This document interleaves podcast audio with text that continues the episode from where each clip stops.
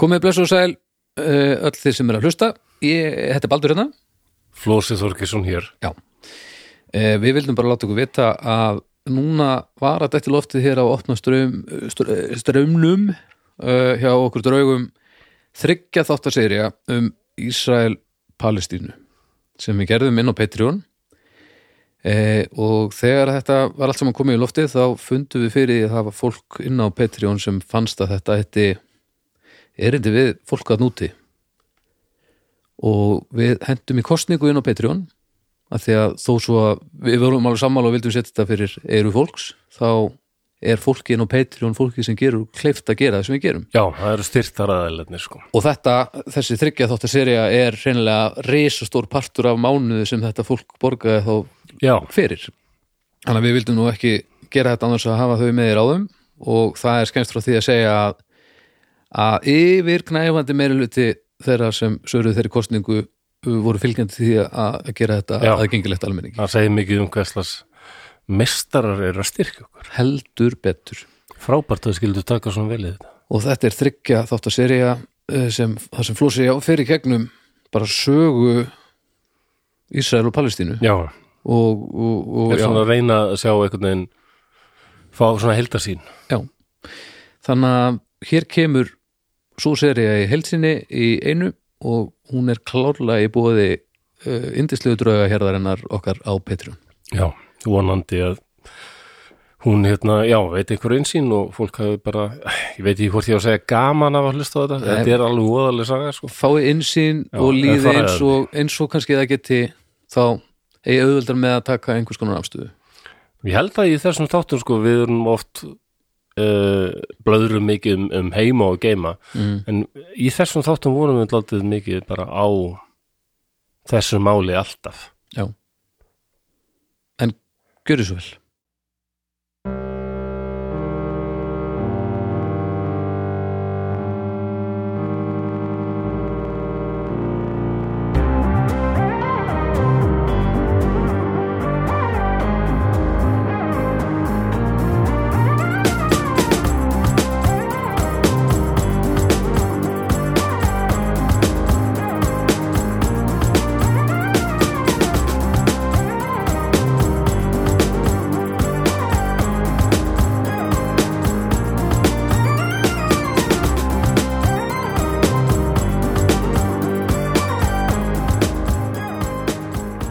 Komið sæl ágættu hlustundur, velkomin í drauga fortíðar.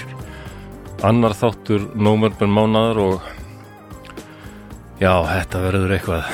Nú, þetta verður eitthvað Já, látt ekki eins og þú vitir ekki hvað við erum að fara að tala um, ég, ég er búin að segja þér. Ég veit það alveg En Já. ég húst, þú talaðir eins og þetta er eitthvað, eitthvað meira eitthvað en eitthvað sem við Ég- veitum að eitthvað verður Kannski verður Er það, ég, ég, veit, veit ekkert ég, húst, Er eitthvað hérna eldfind eins og Ísrael og Palestína? Núna bara, Já, bara almennt bara. Þetta er bara búið að vera sem ég man eftir mér líka, sko. Þetta er búið að vera bara ofbúðslega, ofbúðslega lengi Já, 19 ára þegar Intifada hóst, sem sagt, bara átt að palestinumanna á svæðinu sjálfu, sko.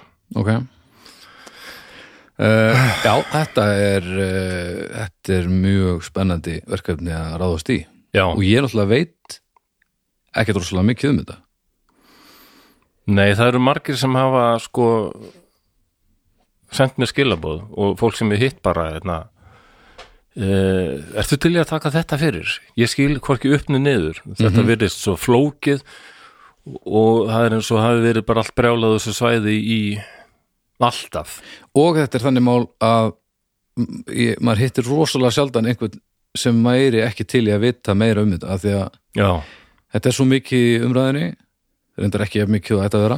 Næ, uh, og já, það eru svo fáir með insinn í þetta, það er svo erfitt að ætla að láta þetta eitthvað sig varða sem að maður hefur ekki nema smá insinn inn í. Já, af því að það er þessi dans að að uh, setja sér ekki í það sæti að maður sé rittari fyrir aðra heimsluta þegar maður býr bara einhver staðar í öryggi sko, já, já eh, á móti því að loka ekki augunum fyrir uh, bara augljósum mannréttinda brotum og, og já, Já, já. og þjóðamorðum þess vegna er sagfræðin svo mikilvæg. Við þurfum að, helviti mikilvæg. Hvaðan, hvað byrjar þetta allt? Já, uh, þá fær maður aldrei svona dýpri sín á þetta allt já kannski meiri insýn inn í bæði gýðingana og þeirra anstæðinga sko. já.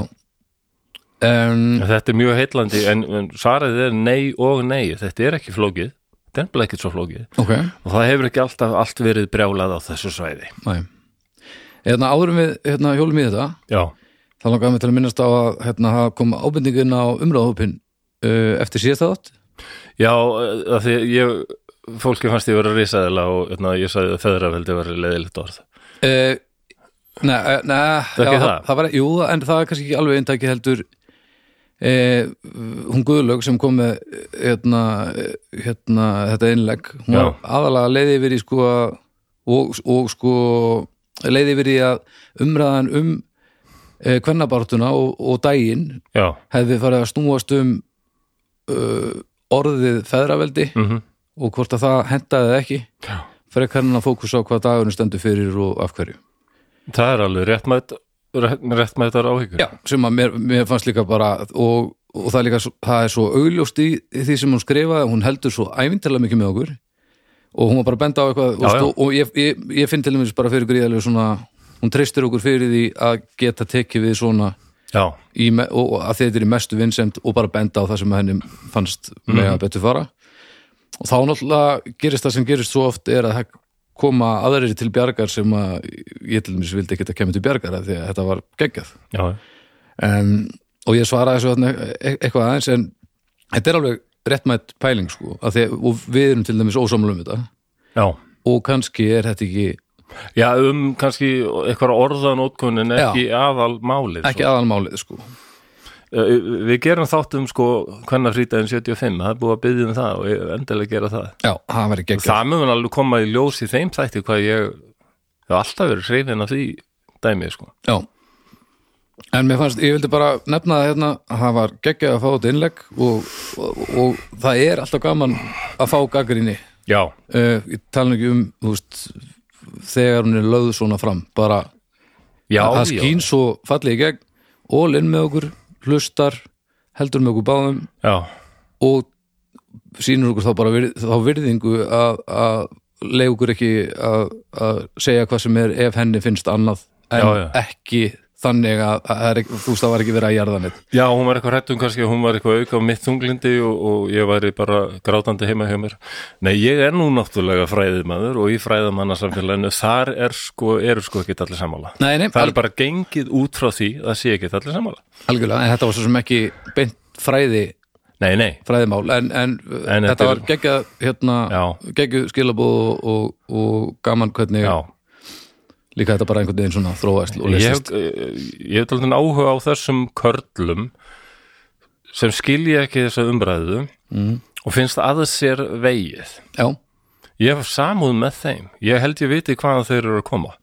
já, Flestir þetta eru bara venjulegi launaþrælar kannski, verkamenn og skilji ekki sko okkur svo mikill fókus á konur en ég er alveg mikill þólandi í þessu samfélagi eins og aðrir. En kannski þurfa bara þeir karlar að vera duglegri. karlar þurfa bara að vera duglegri. Það láti sér heyra og bara til og með þessi verkefælis fórist að alveg gjör ómulega, mér finnst það, ég hef alltaf fundist það. láta sér heyra Já, bara við nennum ekki að vera að þræla og vinna svona mikið. Það við, við viljum Já. aðra samfélagsgerð þar sem við getum verið með börnunum okkar meira Já. og synd okkar hugðarefnum meira. Já. Vinnan er alveg dyggð en hún á ekki að vera lífið númer 1, 2 og 3. Já, algjörlega, algjörlega þessi karlar mættu bara vera duglega að láta í sér heyra að, að það er feðraveldið sem hefur komið þeim í þessa stöðu vinnuþrælsins og bara vinna á móti því sko. Ég veit alveg, þetta bara hún er mjög heillandi, við gerum þátt um súfragettur og ég talaði um Bríði Bjarniðis Og svo Það er- líka, hérna, ég mæli með því að, að það fara allir að skoði þennan þráð inn á umröðofnum að því að svo bara hvað, hún, hérna, hún Solveig var það ekki kom með bara, bara útskýringu á orðinu. Uh, feðraveldi. Bara uh, hvað, húst, hvaðan er það þýtt? Hvað, hver er pælingin á bakveða að því að uh, ég tek, ég heyri þetta orð og húst, ég er, ég á börn. Mm. ég er holdgerfingur vandamálsins eins og ég skrifaði þarna. Eh, en þetta er ekki Já, persónulegt mér finnst, ég er ekki sammála því sko. þetta er ekki, nei, en, við ekki sammála. nei en, en ég er Þú veist ekki, ég er að tala um nákvæmlega bókstalva orðið er það sem að ég er en ég tek þessu samt ekki persónulega. Það Nei. sem að svo margir gera og Já. mér finnst það ekki vera pælingin þá ertu að einblýna á annað en þetta orð stendur fyrir. Mér finnst það. Já og, og það er vandamála því að mér, mér finnst bara svo umræða hún þurfi ekki að eiga sér staða því að það er Já. önnur og mikilvægur umræða sem að Já, já, það er jú, það er sammála því. Mm, Já, ég nenni ekki lengur eða svo karpi út af þessu orði. Nei, En ég er bara búin að segja hvað mér finnst. Og- og- þetta en- ekki gott orð? Þetta er gott orð. Þetta er jú, þetta er það ég, ég, ég mun standa með þessu orði. Þú mátt hafa þína skoðum, þótt að hún sé röng. Já, já. Já. En En verður peikrierki upplifi allt annað. Já, það verður ógæslega Það er stofnað af um hvítum og efnuðum karlmönnum. Fámennum minni hluta. Við tökum þetta uh, þegar að við hérna, ein- einhvern tímann síðar í, í þessu samhengi held ég. Og þess vegna eru meiri hluti karlmanna sem ókvenna sem tengi ekki þetta orð og munu aldrei gera það. En lastu útskýringuna Já, já, ég veit alveg hvernig hún er þú og hvað vilt, peitriarki er en, já, en þú, þú vilt bara meina tung- tungumál er svo tilfinningaríkt og þú vilt bara meina að þessi þetta- þýðing s- hafi feli annað sér þetta orð faðir þetta hefur svo rosalega sterka tilfinningu í hugum fólks þannig ég held að meiri hluti almenn, almennings munu aldrei einhvern veginn alveg samþykja þetta orð. Þannig ég bara- fíla það ekki. en ég veit bara hvað stendur fyrir í, í svona fræðilega. Þá, já, en þá ertu bara að láta uh, þetta snúast um þig þegar að í rauninni gerir það ekki. Já, ég meina, þú veist Nei, ég er að reyna að útskýra af hverju deilan stendur um þetta orð. Já, ég en ég er að meina það, þú veist, deilan er svo að, að mönnum finnst þetta vera persónuleg árás á sig sem að ég upplifði það bara enga veginn. Þetta, þetta snýst ekki um einstaklingin þetta er stærra svolítið snýst þetta mál um einstaklinga en það er ekki verið að, Já, að ráðast á alla, þú veist, það er ekki þannig. Nei, aftur komið að tilfinningum samt? Við erum svo mikla tilfinningaverur. Já, en Við erum bara hægt að vera þú náttúrulega tilfinningulega svo skilur ekki til þessu. Ég er ekki tilfinningalus en, en maður líka að, þú veist, kannski velja slægina og Já. kannski taka slægina sem eru til staðar, allavega að vera ekki brjálæður yfir einhver sem er í rauninni ekki að gerast. Mér líður þannig með þetta, sko. Já, og er, ég er samt með þér í því að það er, er leiðilega mikið páar sem í þetta karp þegar feðraveldi þið eiginlega feðraveldi Mm. að hlakkar í því yfir því að við séum að rífast yfir þessu í staðin fyrir að einblýna á það sem er alvöru já, það er svo hárið sko. Og líka, ef við myndum skipta um orð myndi það, heldur að myndi breyta einhverju? Ég held að ég held einmitt að já, allavega, Já. allavega þú veist, já, ég, ég mun standa með þessu þú mun vera á, á Varbergi en, já ég setja bara öðru sitt aldrei sko. ég, en allavega þá held ég að konur eru alveg hluti af feðraveldinu líka sko. Já, já, já, sumar konur og vilja bara viðhalda því. Og Af því að eh, það er til að er þessum einu eða tveimur prosentum sem hagnast á þrældómi hinna já, og komið fyrst í stundum mikill kommunisti þú ert líka með þú ert bara með aðra merkingu í orðinu feðraveldi heldur Jó, það getur vel verið. Er og bara- það komið aftur að því hvað þetta er mikill tilfinningamál. Og tungumálið er tilfinningatengt sko. en Ég að held allavega kona sem skrifaði mitt og skapaði heitar umræður á, á málspjalli hópnum á Facebook held ég Mm. sem minnst þetta svo leiðilegt orð feðraveldi Mm. því að ég tengi þetta orð fa fadir við eitthvað svo jákvætt, ég átti indislan föður sem vann baki brotnu og bla bla og það er margir sem taka undir þetta, en ok já. en allavega við komumst allavega að því að við þurfum að gera þátt um feðraveldið kannski, eða já, feðraveldið og, og, hvenna frítagurinn það er búið að Kvennafrídagurinn hann alveg og bara sérstaklega baratuna þetta er, já, já, allavega uh, uh, gaman að þessu. Uh, þetta var frábært innlegg og, og, og já. Já, endilega. Mhm. umræður eru svo mikilvægur En- manni finnst eitthvað þá maður að tala um það. En nú er skilda hvers eins sagði John Stuart Mill sko að segja hvað hann finnst um samþægilagið og taka þátt í þeirri umræðu. Hvenær sagði þetta? 1870 eitthvað svo Akkurat, það- hann var ekki með Facebook sko, ég held að hann myndi sjá þetta með núna. Ég held að hann myndi að hugsa sig um núna.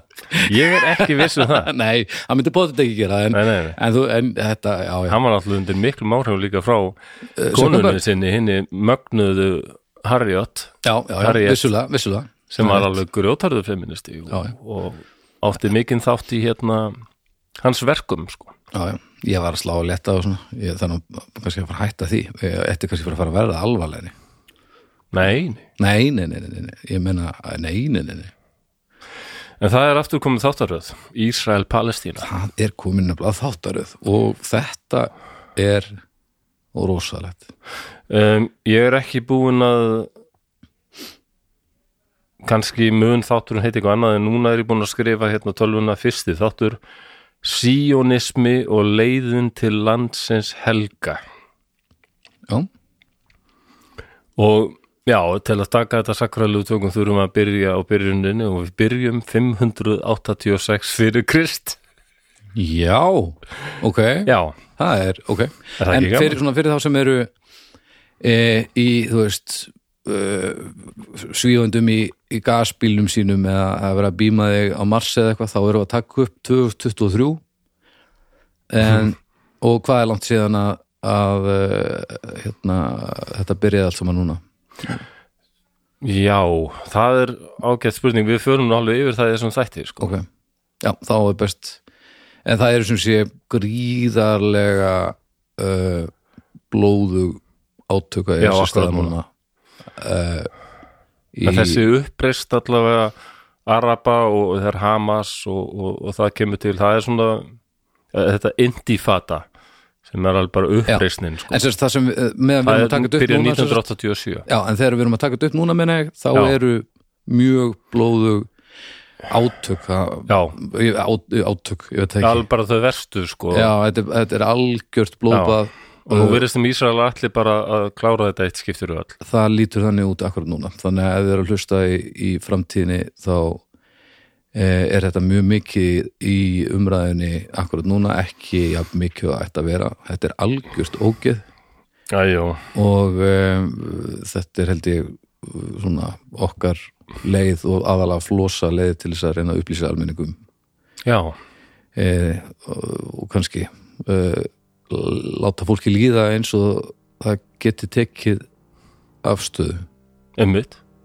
Það eða er átta sér betur á já, allavega, allavega hvaðan skilja. báðir aðeinar koma. Við já. kannski meira í þessum þætti yfir gýðingana, já, ok, hvaðan þeir eru að koma. Ok. En ágættu lusnendur núna skuluð þið setja ykkur stellingar. Því það er komið að því að særa fram drauga fortíðar. Drauga fortíðar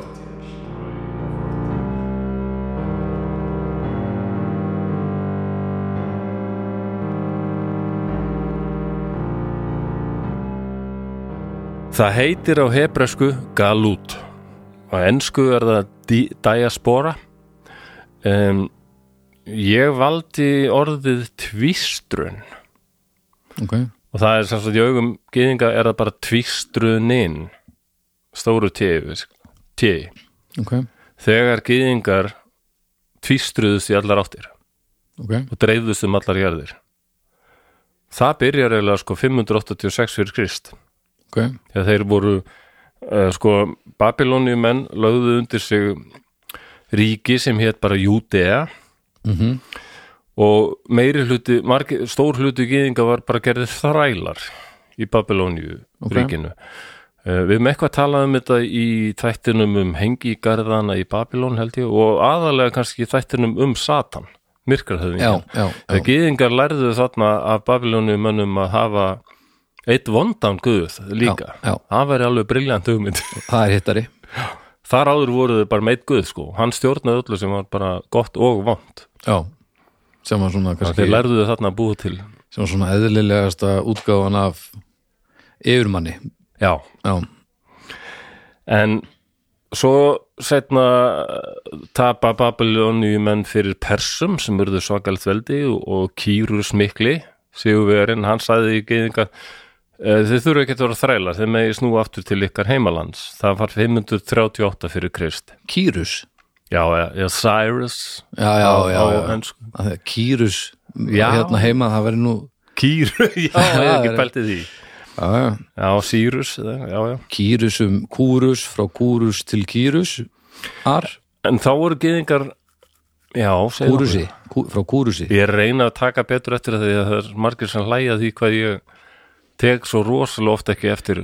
Það Ég er er svo fókusir á að segja frá hérna. sem er mjög gott að því annars væri þetta allt saman í upplaust ég, Já, fólki finnst svo rosalega fyndið þegar ég fatt ekki neitt. Já, þú ert upptekinn að, Ég- að færa sagfræði hérna á borð. Já, ég er upptekinn að því að, erum með fíblöldi að vera með fíblunar Já. En um, það voru ekkert margir sem sneru aftur. Þeir höfðu þá þegar dreifst hingað og þangað og líklega myndi sko merkilegast að geyðingarsamfélagið var í Alexandríu sem er núna það sem eru Egiptaland ok, mjög merkilegt og, og þar blómstaraði þetta mikil þeirra menning. Mhm. og við erum að tala á fyrstu öld fyrir Krist sko. já, þar voru alveg 40% íbúina gyðingar. Og það er talið þarna á fyrstu öld eftir Krist, eftir Krist að um 5 miljónir gyðingar hafi þá búið utan Palestínu mjög, mjög fáir gyðingar í Palestínu. Já, ok. Þannig að það er svo langt síðan að þeir voru bara farnir það sko. mm þannig að við getum ímyndað okkar að á 20. öld þegar þeir fara að flykkast aftur til Palestínu og allir arabar hérna, hvað hva eru þið að gera hér? Mhm. Þetta er okkar land. Já, við höfum bara snú aftur heim, ykkar land síðan hvenær, já. 586 fyrir Krist.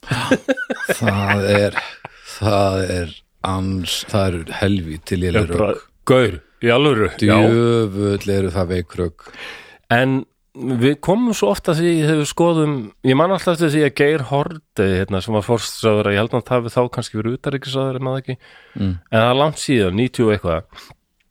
Þá, held, þá fór hann til Balkanskaga. Þá voru átökin þar, sko, serbar og króatar og mm -hmm. þjóðeirnir hreinsaðin, þetta var mjög ógeðslegt, sko. Já. Ég man alltaf hvað hann sagði í viðtali. Hann sagði, sko þegar maður kemur hingað, þá er 1918 bara eins og það hefði gerst í gær. Já, það er nefnilega málið með til dæmis, við Íslendingar tengjum mjög lítið við þetta.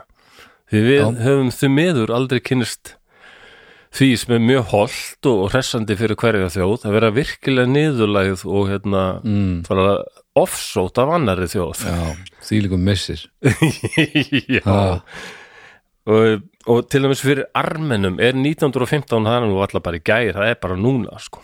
Mm, það, þetta er svo kyrfilega greift í, í menning, þjóðarmenninguna og þjóðarvitundina sko. það er þjóðarmorð þyrkja á armennum 1915 þetta er bara Já. alveg sko, stór hluti af þeirra þjóðarsál. Já, já meðan við hérna, höfum þá bara náttúruna en, en en við getum ekkert með einn hún er annað heldur en önnur þjóð sko. Er, við verðum bara að taka Já, því. það er ekki nei, það er ekki ásetningur. Nei, uh, það er ekki ákvörðunum Nei, að gera akkúrat. illt. Það skipt, það breytir nei hérna lagagígar ákvaðu bara ekki að koma og drepa okkur sko. Þetta, þetta er mitt. Já. Þannig að við, við höfum farið á missu þetta. Og í pældi ef náttúrulega var að taka ákvarðanir hvað reykjarnir skæði verið mikið fíbl já, hann var ekki sko. djöful sinns leiðinda skæði. Já. Þannig að við tengjum ekki alveg þetta. Ó, Þetta er mjög það er stert fólki í grindaði ekki aðeins að sopna Nákvæmlega. Djöfus, tólgur Þannig að fyrir gýðingum var þessi tvístrun bara mm, kannski miklu stærri hluti en- djöful alltaf hristaði. Fyrir ekki Já, eh, við fyrir gýðingum var þessi tvístrun og þetta að snúa aftur til landsins helga þetta var bara svona svolítið stór hluti af þeirra já, þjóðar sál sko. já, og, Þetta- og trú reyndar. Þeir eru ennþá að býða eftir Messias. Já, um, hann kom reyndar en þeir sögðu bara nei, þú, þetta er platt, mm, plattari bara og drápan, já voru heldur betur ekki geimið hennan Messias. Nei og, og þá er en kristnir haldaði fram að hann hafi komið sko. Mm og svo kom hérna third edition Íslam -hmm. þeir segja og sem segja sko að nei, Messias er ekki kominn sko en Jésu var spámaður aftur á móti. Mm. já, the prophet, og Múhammed og það er erum að býða eftir frelsarann Mhm. Og frelsarinn á að leiða gyðinga sko leiða þá alla saman mm. Já. um, þetta er allt þetta er allt frekar liðlegt dótt sko þetta er, en þetta er bara að spila stóra rullu já, já, já, algjörlega og þess vegna fannst mörgum gyðingum komið betra því setna en það var mörgum heitrúmi gyðingum fannst þessi hugmyndum að, að bara snúa aftur til Júdeu, gömlu, Palestínu. Mm. og eignast hana vera nánast helgispjöll. Já, og mjög heitrúðið gyðingar er ennþá til í dag sem segja Ísrael er alveg afkvæmi Satans. Það er Satan sem hefur glaft fólk okkar. Mhm. og að að því að Messias er ekkit komin sko, hann á að stjórna þessu. Hann, hann á að græða það? Já, ok, ég horfði á, á sko, myndbandið mitt hérna á YouTube, það sem er sko náungi sem er alveg svona klættur í svona orthodox rabbína mm í Bretlandi reyndar sko. Já, hann er að rífast við eitthvað Ísrael um sko, hann er að segja sko Ísrael er sko skammarlegt land og bara afkvæmi hins ítla mm. þannig að þetta er ennþá til, ok, þessi hugsun. Ok en þeir, þráttur að þeir hafi langflestir búið utan Palestínu þá letuðu þeir alveg á Palestínu sem er svona miðpunkt, trúar. Það var alltaf þessi hugsun snúa aftur til landsins helga. Mm. en gyðingar í útlöndum voru langt um langt um fleiri heldur en gyðingar í Palestínu. Mm. um, en miðstöð var gyðingdóms já þær voru þarna í uh, Babilóníu, Persíu og þarna á tíðanbili í Alexandríu. Síðan er Spát, Frakland, Þýskaland, Póland, Rúsland Mhm. og bandaríkin eru mjög en þá þar eru það er svona sterk miðstöð fyrir já, þeir já. hafa mikil völd þar. Sem er uh, já, bara eins og allt annað í bandarísku samfélagi dag með setniskipum Ég, með setniskipunum já, það er bara já, svo glænýtt. Já, já, það er glæði nýtt allt glansandi fínt en þá nema innviðurinn og, og Já. menningin. En þetta hefði náttúrulega þau áhrif að samfélög gyðinga urðu mjög lituð af því hvar þau byggu og það verður svona sérstök tungumál, helgisíðir og menning. mm -hmm. Sumir leiðuðu í friði en ansi margir urðu fórnarlömb ofbeldisfulls gyðingahatturs. Mm Og svona fyrstum sinn var það þessi hugsun sko að þeir drápu náttúrulega Jésu. Það var ekki, já, þeir voru oft byggu í löndum það sem kristnir voru meiri og það, það var illa séð að það var drepið frelsarum. já, Já. En, en og sem sagt gyðingar sjálfur hafa daldi mjög skipta skoðunir á mörgum hlutum. Mm uh, og til dæmis á þessu hlutverki tvístrunarinnar í sögu gyðinga og, og um, um mikilvægi þess að viðhalda þessari þjóðirniskenn gyðinga. Sumir gyðingar hafa verið að því við eigum alltaf að samlagast samfélaginu sem við búum í. Mm En í þessum þætti ætlum við að tala um síjónista hreyfinguna og Ok. mikill meiri hluti réttrúnaðar gyðinga sem er svona, já, fundamentalist bara harðir gyðingar ok. hafa stutt hana. En eins og ég sagði á þau, sumir réttrúnaðar gyðinga ganga svo langt að andmæla Ísrael í dag sem bara guðlausu ríki. Mm og að það sé meira að vera að augra vilja guðs með þessu. -hmm. Við, og við höfum oft áður í þessum þáttum talað um 19. öldina sem ég er alltaf mjög hrifin á og finnst hún opbáslega mikla breytingar hafa orðið þar myndur segja að þín, er það einu uppáhaldsöld? uh, ég veit ekki hvort þið verið til að vera til þar Nei, ég er ekki að tala um það nei, Nei, jú, nei. hún er, hún er miklu uppáldi Já, held þrýr að- öld, já, ég heldur myndi líklega bara mjög fljótlega að fara þangað að þið fengi aðganga tímavel sko. Ok, hitta Nietzsche og svona allskins ok. Flotta gaura sko. Fylgjast með þeim Mars og Engels eða þeir voru að vinnaði kommunista Já, ávarpinu og svona já, en þú myndi taka með spritt og síklarlif já, ég myndi gera það. Það myndi borga sig. Og ég myndi kannski fara til Fraklands og fylgjast með ákveðnu málið þar sem hétt Dreyfusmálið. Já, en en maður 19. öld er öld sko við tölum, við höfum talað um mörgum þáttum mm. við komum inn á þetta mjög oft bara með þessi vikingaþættinum Mm að vikingar voru alveg frá vikingaöld bara talað um það sem villimenn, morðingja, þrælahaldara Já, sem þeir náttúrulega voru þetta voru ræningar og já, já. neftu fólki þrældóm og hérna Mm. en hérna en það kemur, þannig kemur upp eitraða blanda á 19. öld af romantík Mm. og þjóðernir stefnu. Úf, þessi hugmynd hérna, do you have a flag? Einmitt, Mhm. sko, fánarnir DSL. verða til þjóðríki. Já. og þjóðurnir skenda við erum ekki bara þegnar Danakonungs. Við, við erum Íslendingar. Náði langspilið. Við eigum glæsta fortíð einmitt, og allt Flottustu kindurnar. Já, nákvæmlega. Fórestu hrúturinn er hann myndi ráða yfir hinum fórestu hrúturnum hann út í heimi. Akkurat, Já, þarna þú bara súmeraðir nationalisma upp. Já, það var ekki drosalega gott fyrir marga minni hluta í þjóðum eins og þjóðverjar hérna fara að segja, já þú ert frá söðu Þískalandi já, þú ert frá norðu Þískalandi en við erum báðið þjóðverjar, yey og þú, hvað er þú? Nei, hann er gyðingur. Mm. þú ert nú ekki alveg þjóðveri og dreifusmálið er sem sagt á sér stað í Fraklandi það byrjar 1894 og er alveg sko næstu 12 árin spilar, er bara mikill blaðamatur í Fraklandi Ok, og fyrst snýrist þetta bara um já, þetta snýrist bara um hvort að Alfred Dreyfus væri sem var liðsfóringi held ég, hann var alltaf fóringi í franska hernum Dreifus er frábært nafn. Já, Dreyfus, útrúlega Alfred Dreyfus. Já, er hann var bara venjulegu fraki en hann var gýðingur Ok, og hann er dæmdur sko í desember 1894 í, fyrir landráð. Ásakur um að hafa selt þjóðverjum herna, hernaðarlindamál, einmitt Mhm. talandum þjóðuríkið þarna prússar höfðu unnið stórsigur á frökkum 1871 mhm, og í framhald af því stopnað í Fraklandi með segja, Þískaland, já, Þíska keisaradæmið. Ok. Þannig að hann voru frakkar búin að eignast nákarana sem þeim var ekkit voru ekkit mjög ánaðið með. Nei, ekki Nei.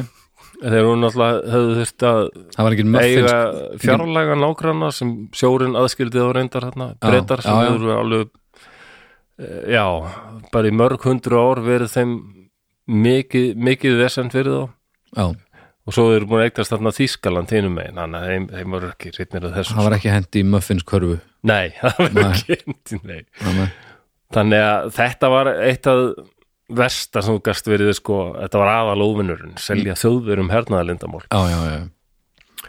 Og í fyrstu þá er alveg allur almenningur á því þetta er alveg rétt. Og þarna er sko það voru greinilega allir svo tilbúnir að trúa þessu að því að Dreifus var gýðingur, hann Mm. gat ekki verið alvöru frakki Mhm.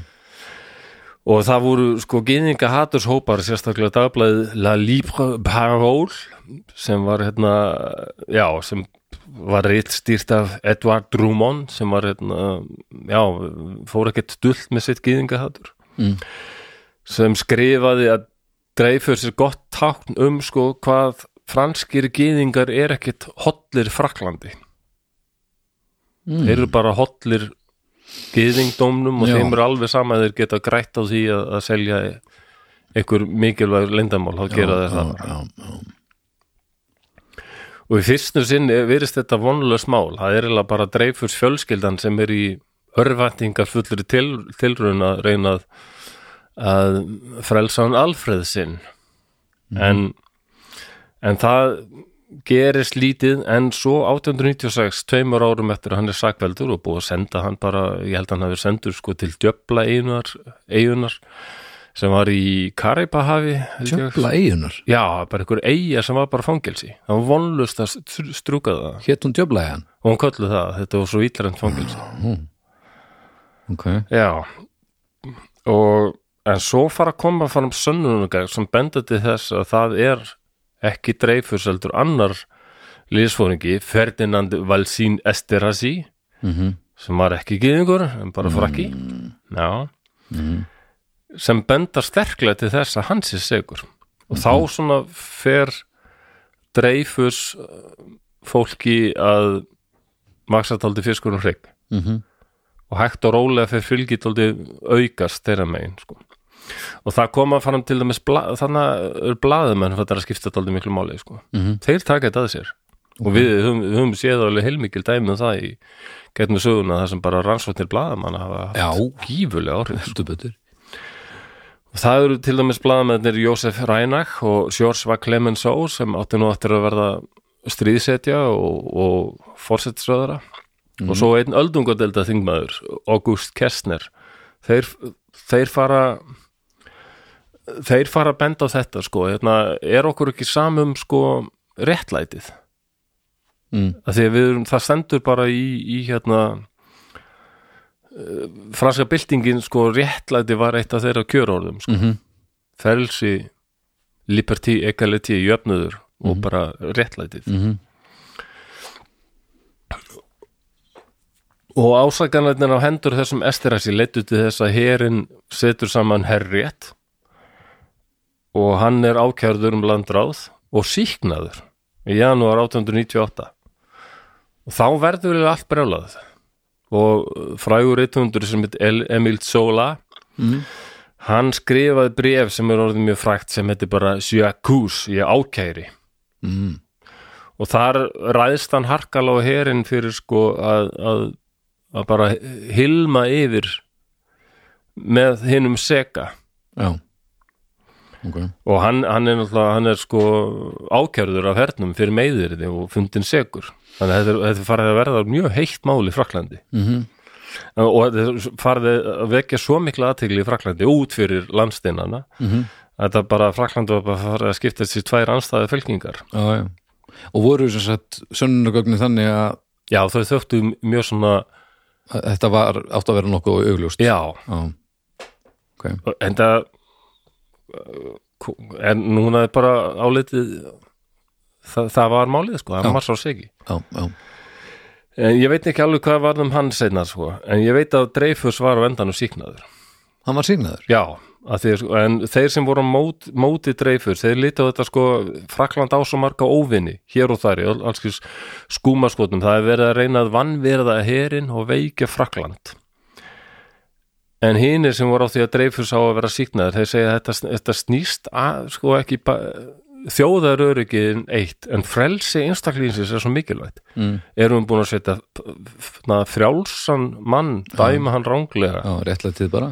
Já, þetta er, þetta er, þetta er mjög franst í raun sko, þetta, alveg síðan í byltingunum þá er þetta verið já, heitna mál sko, frelsi einstaklingsins og, já, já, og þeir vildu, þeir vildu líka hafa voru sterkir aðalega hérna sem eða, margir, þeirra, margir sem vildu sko uh, já, ég segi kannski ekki veikja herin en um, gera hann svona hlut, sko setja hann undir þingræðið, þannig að herin væri ekki alltof öflugur og ríði sér alveg sjálfur. Já, já, já, já, já. skilji, já. við erum herin í aðeins betri taumi. En ég er að tala um þetta af því að það fylgdur svona margir með þessu máli. Mm og ekki síst gyðingar í Fraklandi og viðsvegar og þeir fylgdust skelkaðir með þessu máli. Já, já, Eh, og þeir, það fundu það gyðingar í mörgum löndum hvað þjóðöldistefnan var að hafa rædilega áhrif á þeirra veru sko. mm og sumum fannst komið tími nú þurfum við bara að gera eitthvað. Mm. þar á meðal var austuríkismæður sem var, hann var ekki teitrúðað gyðingur, hann var bara leið fyrst og fremst á sig sem austuríkismann Mm. Theodor Herzl sem er mjög stórt nafn þegar kemur að stofnun Ísrael. Mhm. um, og hann fór að hugsa við getum bara ekkert verið að býða eftir því að Guði þóknist að senda frelsara til að laga ástandið. Og hann skrifar bækling. Aðeins eldfimt mál gefið mér. Já, vissulega, en það, en það kom á daginn það voru margir sem voru hugsa eins og hann. Já, en eins og ég segi, sko, hann var ekki svona heitrúaður gyðingur. Hann var meira hluta þessum uh, þessum pragmatísku bara. Já, sem var alveg til í að búa bara í Östuríki en var farin að finna að það er bara ómulegt að búa þetta út af því ég er gýðing ég er ekki velkomin lengur Já, já, ég er ekki velkomin heima mér. Nei. Þetta voru gýðingar upplefa bara viðsögur og ég meina já, já og meðan Theodor Hersal hann hefur kannski verið að ganga á götu sko í Vín mm og verið að velta þessu fyrir sér og ekki tekið eftir manninu sem mætt honum á gánstittinni mm. sem var líka að hugsa um þetta en á öðrum nótum. já, já, og það er Adolf Hitler. Já, sem var að hugsa bara sko hvað gýðingar eru uh, þeir eru sníkjudýr á samfélaginu sko. mm það var hans kenning. Og fasistana já, ekki bara á samfélaginu heldur óæðra lífsform. Já, sem sníkjudýr sko. Já, þess bókstaflega bara sníkjudýr. Já, en það er mikil miskilningur að að fasismi, sko, samkvæmt hugmyndafræði Hitlers þá er Ísrael fyrirmyndaríki. Já, þar eru hinnir sterku. Bara taka það sem þeir telja sitt. Mm, það er alveg megin inntækið í fasisma. Já, hinnir sterku ráði yfir þeim veiku. Mm, uh, og enda voru margir af forvíðismönnum síjónismö undir miklum áhrifum frá fasistum. Ég veit þetta er förðulegt já, en, en að því við erum vönd því að fasistar eru vondir við gyðinga mhm, en þeir eru fyrir miklum áhrifum af skrifum þeirra sko. já. Já, fasistar geta byrst hvað sem er sko. Já, já, algjörlega. Nú uh, Ísrael En hérna sendi hugheilar stuðkveðjur til hennar Giorgio Meloni sem hérna er núna, ég heldum sé fórstræðar á Ítalíu mm, sem er langt til hægri. Mhm, uh, og hérna Benjamin Netanyahu sem er núna leiðtói í Ísrael mhm, hann afi hans var fyrir miklum áhrifum af sko fasistum og sérstaklega manni, öðrum manni sem komum að, setna að sem heit Jabotinsky ok, sem nánast var eða fasisti sjálfur. Já, ok.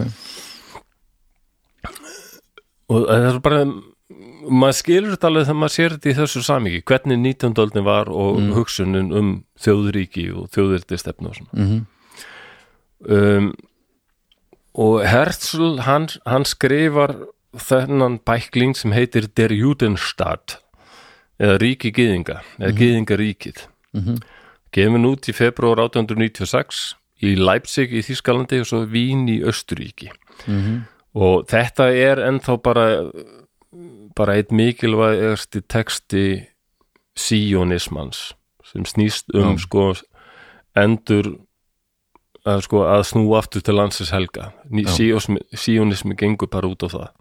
Og bara það, er rosalega stefnubreiting frá upprunalega planinu sem var að hingra eftir frelsarinn já, það er það. Já, og hann skrifar þarna, hann sér fyrir sér sko að gyðingar stopni í framtíðinni sjálfstætt gyðingaríki einhver staðar á 20. öld. Mm, um, hann sagði sko til að forðast gyðingahatrið í Evrópu þá er ekkit annað í bóði við verðum bara að finna okkur land og stopna sjálfstætt gyðingaríki. Og hann einblinn náttúrulega sérstaklega á Palestínu sko. Mm, og, og þar þurfi gyðingar að kaupa bara land í stórum stíl að því þetta er sögulegt heimaland okkar. En hann, hún kom líka annar staður í hug sem var Argentína. Þar þótti vera allskins möguleikar. Mm, og, og var ef ég mann rétt þá var Argentína hreinlega á þessum tíma daldi auglýsa eftir innflytindum já, Já, og á þessum tíma voru sko raundar hafðu gyðingar alveg upplifað ofsóttir í margar, margar aldir. Já, og í mörgum borgum Európu sko voru þeir með þess að höfðu verið hraktir í sérstök hverfi sem fengu voru kölluð ghetto já, og í dag er bara ghetto notaðum eitthvað mjög vont hverfi alveg saman Já. hvort að það er búið gyðingar eða aðrir. Mhm, Já, yfirleitt ekki lengur neinu gyðingar í ghettoum já, og það var alveg sama hvort þú varst sko ríkur gyðingur eða á lágstjættar gyðingur báð, bá, báðir hópar sagðan sko við búum í st stöður í hræðslu mhm, og yfirlýsingin ekki kaup af gyðingum var alveg farin að sjást strax á 19. öld mm. Já, þetta, Hitler byrjaði ekki á þess nei, nei, nei, nei og er þetta út um allan heim eða er þetta fyrst Já, og já. fremst? Já, alveg. Og það er, hann sagði við, það er alveg eðlilegt að álíta að þetta breytist ekkit, við verðum ekkit láttir í friði, þetta versnar bara. Mm. og til þess að þetta myndi lagast þá þurftu við sko tilfinningar fólks allt í hennu bara snar breytast hvað þetta varðar. Mm eða þá að við bara reynum hvað við getum meira að saminast okkar samfélögum, við höfum gert það en það bara, þetta virðist ekki virka. Og svo ég vitni nú beint í hann núna. Þetta er hans orð. Spurningin um framtíð gyðinga og vandamál tengd henni er og verður viðvarandi hvar sem gyðingar búa í umtalsverðum uh, fjölda. Mhm. hún fylgir okkur hvert sem við förum við draugumst eðlilega að stöðum þar sem við teljum okkur ekki verða offsótt en vera okkar þar mun á endanum valda offsóttnum þetta er raunin og óumflýjanlega þá bara mun þetta vera svona allstaðar, jafnvel í mjög siðmentuðum löndum sjá til dæmis Fraklandi sem þótti einmitt já -hmm. virkilega siðmenta land og Já. þar var stakt gyðingahattur já, og hann segir sem sagt gyðingamálið spurningin bara um okkar, okkur framtíð okkar verð sko verður að leysa bara pólitískum vettvangi ekki trúabröðin mm. heldur við verðum bara að hugsa aðeins pragmatíst þetta Mm. og hann leggur til Argentínu og Palest, Palestínu en þetta er mikilvægt sem kemur núna Mm. í der jútestad þá segir hann landnám á, báðum svæðunum myndi verða erfitt. Hann segir að seittla inn í landið svona hægt og rólega það var bara eftir að enda illa. Það heldur áfram þanga til innfætum íbúum finnst sér ógnað. Og þá neyðast stjórnvöld til að stöðva frekari innstreymi gyðinga. Þannig að slíkur innflytningur eða flutningur til annars lands Mm. er tilgangslöst nema við höfum fullvalda rétt til að halda áfram að flytja inn í landið Mhm. hvað er hann að meina þarna? hann er að segja að það er nöðsynlegt að við tryggjum okkur rétt eða sko stuðning frá eins og hann orðar það sko herra landsins eða bara stjórnendum landsins sem við flytjum til eða einhverju öflugu Evrópuveldi einu eða fleirum. Mm. ef, við, ef við, okkur tekst að fá þau til að styðja þessa óvöllun okkar. Mm. þetta er alveg mikilvægt, hann er að segja bara við getum ekki, við þurfum að hafa sterkan stöðning af því að þeir sem eru þarna fyrir þegar við flytjum hingað, Já. þeir munu endanum verða mót okkur. Mm. skýrur hvað hann er að segja þarna? Já, já, hann er að segja að það mun koma til átaka. Já, já, það heldur betur. Og við þurfum að vera búin að tryggja okkur að við, já, við fáum bakk upp í að gera það sem við munum gera. Endanum var það nákvæmlega það sem gerist þess vegna er Theodor Herzl og hann skrif svo mikilvægi síjónismann en um, það kemur kannski ekki óvart að, að íbúar Palestínu sem þá voru svona 97% arabar mm -hmm. eða meira mm. þeir, þeir komast á snóður um þetta og borgarstjóri í Jerusalem sem hétt frábæra nafni Yusuf D. Aldin Pasha Al-Khaliti ok, hann skrifar árið 1899 um, þessi hugmynd síjónista að alltaf stopna gyðingaland í Palestínu er svo fáránlega að ég get ekki annað en kalla hann að bara reyna heimsku. Vegna þess að þeir gleyma að gera ráð fyrir einu. Það býr fólk hérna nú þegar. Mm. En Hersl, hann já, já, hann er örgulega barðsins tíma en hann skrifaði dagbók og ímislegt hefur varðveist og hérna, hann fór ekki til grafgötur með það að að gýðingar yrðu að vera daldið aggressífur Nei. og ættu daldið skilið að vera það. Að því hann, hann var mjög júrósentrískur en það uppalinn Östuríkismæður já, eða í, í heimsveldinu Östurík-Jungurland mhm, hafði eflust mótast af því og hann var hann leit aldrei að þá sem ekki voru Európubúar sem eiginlega aldrei aftarlega á merinni hvað annaði menningu og siðmentun mm, því hann skrifa til dæmis í der Judenstadt þá skrifar hann sko heimaland geðinga í Palestínu á að verða veggur Evrópu gegn Asíu útvörður siðmenningarinnar gegn villimennsku annara þjóða. Mm, Já. Um, Þá pældu gyðingar ekkert of mikið í þessu, hafði ekkert alveg áhy- áhyggjur á þessu, nema reyndar þá 1905, þá var Ítsjak Epstein sem var rússi, en hann hafði sest að í Palestínu og hann skrifaði grein ár 1905 sem kannski gyðingar hefði mátt veita meiri gaum sem hétt sko, hann skrifaði hana í hebreska tímaritið Hashiloah uh, hún hétt bara falin spurning þessi grein og hann er að fjalla um afstafa gyðinga til Araba í Palestínu.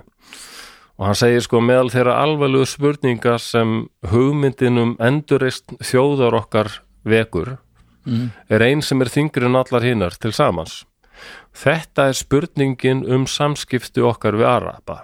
Mhm, hann sagði þessi spurning um, hefur ekki gleymst heldur hefur, virðist hún hafa verið algjörlega hulin síjónistum mm, og, og ég skoð, hann segir sko, hann segir ég hef skoðað margar bókmyndir og það sem síjónistir hafa skrifað og, og þetta einhvern veginn fer framhjá þeim. Mm, hann vissi sem var. Hann hafði búið hann vissi alveg hvernig fólk arabarnir voru, mhm, þetta var stolt fólk. Mm, fólk sem hefði kynst átökum og myndi ekkit gefast neitt auðvelda upp. Samþykja það að verða ykkur annars flokks borgarar í mm. gýðingaríki mhm, eh, og þessi falda spurning oft eftir að snúa aftur og ásækja síðanusturhefinguna daldið og Ísælsríki og gera það líklega ennþá. Mm, en hérna svo kom að líka mjög merkum náunga sem hef, hafði gífuleg áhrif á síjónista og líklega einna mest bara. Og Ok. hefur til dæmis lengi verið miklu uppáldi hjá Netanyahu fjölskyldinu Ok. en það er Vladimir Jabotinsky já, já, hann var rúsi eins og mhm, nafnið bendi til. já, eða rúsneska heimseldinu hann var fættur í Odessa 1880 sem er núna nei, ja, til, jú, til er ennþá Ukraínu held ég. Eða er rússar búin að taka það, sveimið þá. Ég veit ekki. Nei, jú, Nei, er þetta ekki- nei, er ekki ennþá Ukraínst maður skulle ekki vita þetta.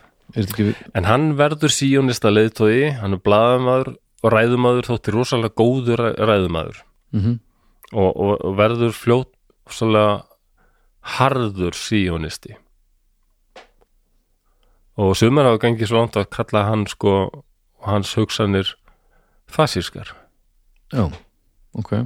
Er það að skoða eitthvað, leita ykkur símanum? Nei, ég ætlaði bara hvað rótessa er? E, já, ég var bara að velta fyrir mér, já hvað, hvað hún er nokkulega stæðsett, haldur bara áfram. Ég, eða þú mátt endilega ekki ég, ég get lögum að e, er eitthvað skýta á sig maður getur ekki vitað allt nei, og hann er fyrst sko hann í lok 19. aldar erlendur fréttaritari en hann verður rosalega, hann er mjög vinsæll skrifar vel og hérna hann er kallaður aftur til Odessa og verður þá hérna reitstjóri blaðsins sem hann vann hjá Ok. og hérna í byrjun 20. aldar þá byrjar hann daldið að skrifa um síjónismann og, og þetta endurreistn og stofnum þjóðuríki skýðinga í Palestínu mhm, Uh, og hann byrjar síðan að ferðast mjög mikið um Evrópu og hitta gýðingarna staðar og halda fundi og hérna og tala um sínar skoðanir sem þóttu oft aldrei svona ósveigjanlegar og, og, og mjög, mjög pólitískar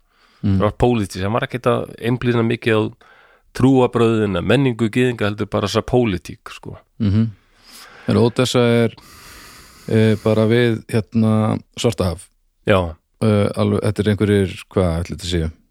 En er ennþá þetta er svona Úkraínu? 50, 50 kilometrar frá Moldófu já, já, e, þannig að þetta er alveg hinn, þetta er alveg e, lengst fyrir hérna sunnan sko. En til eru þá e, et- þetta tilherir ennþá Úkrænu held ég alveg ég skal fletta því Já. líka. Uh, Merki, ég stóð spennandi borg sko. Mm. Í, uh, og hann var sko þegar fyrri heimstyröldin byrjar 1914 þá var Palestína þar reði ottomanveldið eða Tyrkjaveldi en Mhm. þetta var Já. miklu stæðra heldur en Tyrklandi núna hann var eins og langflestir samfærður um sko ottomanar höfðu voru í liði með þjóðurjum Já, gegn sem sagt breytum og frökkum. Og við erum náttúrulega fjalluðum innrásin í Gallipoli já, sem breytar aðalega breytar og, og tyrkir ottomannaveldið börðust. Mm þá orðstu sigruðu ottomanar en ottomannaveldið var þá kallað sko veiki maður Evrópu. Þetta var að hrinja, það vissu það allir þetta veldi mm sem hafði í að þetta var orðið ofsalega miðstýrt það var einhver svona spilling líka og efnahagurum var slæmur og vi- vissu allir þetta var og hann skrifaði það er engi spurning að þeir munu, þetta mun, mun hrinja -hmm. hvað þýðir það? í því tómarúmi þá mun Palestína allt í hennu vera Já. up for grabs bara, Mm og þar þurfum við palestíðingar að rjúka til og taka Palestínu og hvernig gerum við það? bara eins og breytar, frakkar, þjóðirar bandaríkjumenn, aðrir hafa tekið sér nýlendur. Mm. en við getum ekki gert það nema við höfum sínt bandamönnum að við erum gaglegir þannig við þurfum að vera í liði með þeim í þessum átökum. Og hann fer uh, virkilega í það að sannfæra bresk stjórnvöld um það að gýðingar um allan heim eru á þeirra bandi. Mm uh, og hún tekst mikið til að samfæra bresk stjórnvöld um það sko. Og einna, það, svo mikið að það eru margir sko gýðingar sem hafa flúið fróttamannaveldinu svo ganga í ganga í ræðir breska hersin sko. Já, og hann sjálfur er síðan eftir fyrir heimstyröld sem það gerist akkurat að, hérna, að ottoman veldið fellur. Mm þá er hann komin sko 1920 er hann komin til Palestínu, Japatinski -hmm. og búin að stopna hreyfingur sem hét Hagana sjálfsvarnar hreyfing gyðinga. Og það eru raun bara svona víguhópur já, sem berst gegn Arabum í Palestínu.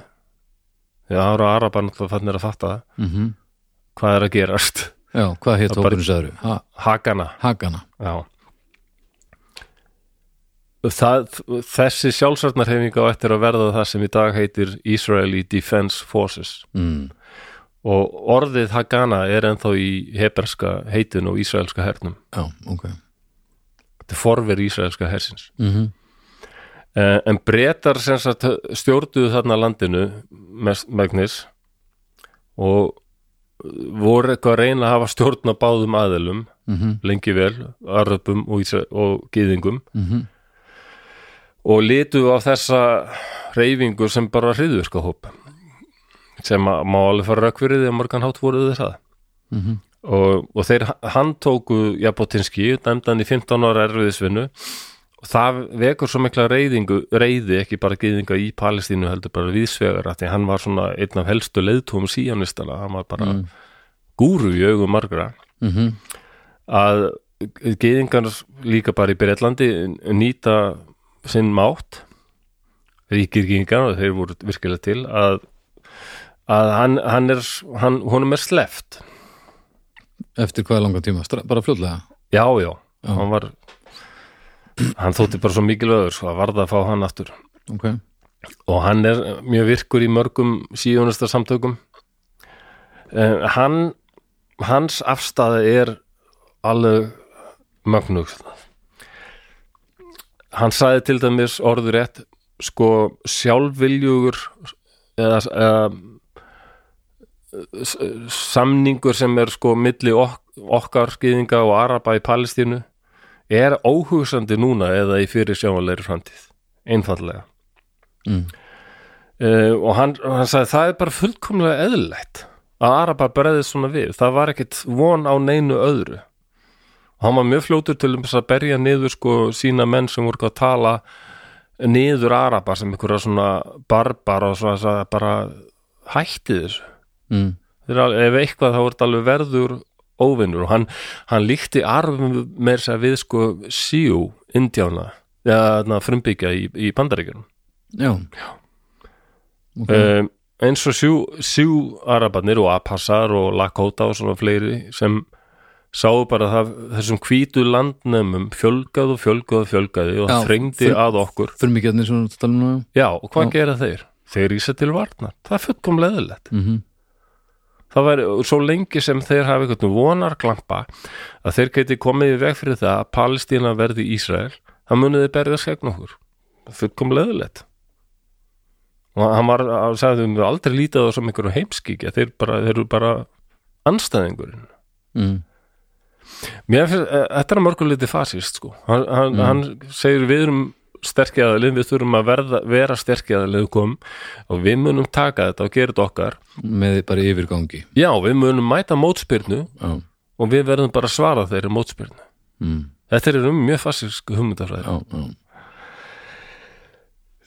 um, það voru alveg til hérna, hófsamir síjónistar sem voru svona töldu við getum kannski fengið sa- Palestínu-Araba til að samþykja það að, að gera Palestínu að land þar sem, landi þar sem meir, gyðingar er meir hluta mm -hmm. Japatinski sagði það, það er svo, það er svo mikil heimska. Hvernig dettur ykkur það í hug að það kom ykkur minni hluti utan að og byrja að flikkast inn í landið og, og meiri hlutin samþykki það? Þetta er svo að segja sko já, þetta er nú að segja og hvað erum við 350.000 eða veru 35.000 uh, pó- pólverjar hérna mm. og þeir myndu alltaf að segja bara jæja af því að á tímabili voru gyðingarnir bara einhver 10% Mm. þegar þeir vildu að landið yrði þeirra Mm.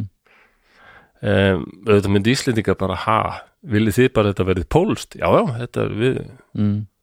já, nei það gengur ekki við erum ekki sátt við það, já við erum með stuðning hérna rúsa eða bandaríkjana og Mm. all, hann sagði alltaf það er engin, engin frumbyggi allir frumbyggjar standa sko gegn landnemum Mm.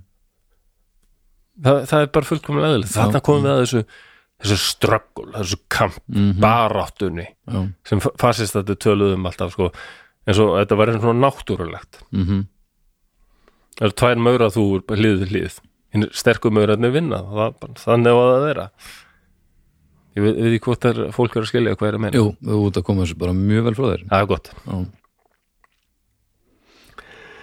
já. Um, þessi hakana hópur um, já þeir reyndu svona fyrst að vera alltaf hófstiltir, það voru sko aðrir hópar hérna líka sem voru eins og Irgun Tvæleumi og Störn gengið þetta er bara einhver svona þetta eru hriðvörku hópar sem voru miklu hardari sko. Mm. Eh, ég veit ekki hvort þetta talaði mikið um það sko. Uh, þeir sko 41 reyndar þá bjóð hakana til sko hersveit sem var bara hersveit. Mér minnir að það sé hún sko sem hérna hétt Plugot Machat sem þýttilega bara uh, ruttagengið eitthvað svoleiðis. Ruttagengi já, það var, Já, það var alveg þeir voru ekki að fara grafgötur með það. Skúrkarnir. Já. Já, og þess, þessir hópar sko, þeir lenda ekki síst sko í blóðum átökum ekki bara við Araba, heldur við breyta sem reyðu þarna. Mm. og margir, ímsir þeirra sem setna eruðu leiðtór í Ísrael Mm höfðu á sín tíma verið bara eftirlýstir hriðvirkamenn Já. af breytum já, já, sko, eftir setni heimstölu þá voru breyta alltaf bara fannir að sjá þetta stefnir í að verða bara sko mesta, mesti sittstorm sögunar, þetta svæði. Já, hvað erum við búin að gera? Og þeir reyndi eitthvað að draga tilbaka og voru með höfumdur um að einhvern veginn að fá þetta lið til að búa í satt og samlendi. Mm. það voru búin að opna ormagrifjuna og voru að reyna að loka henni aftur. Mm. og þeir uh, ákváðu sko hérna gyðingar vildu að það væri bara ótakmarkaður innflutningur gyðinga töldu að sér þeim hefur lofað því.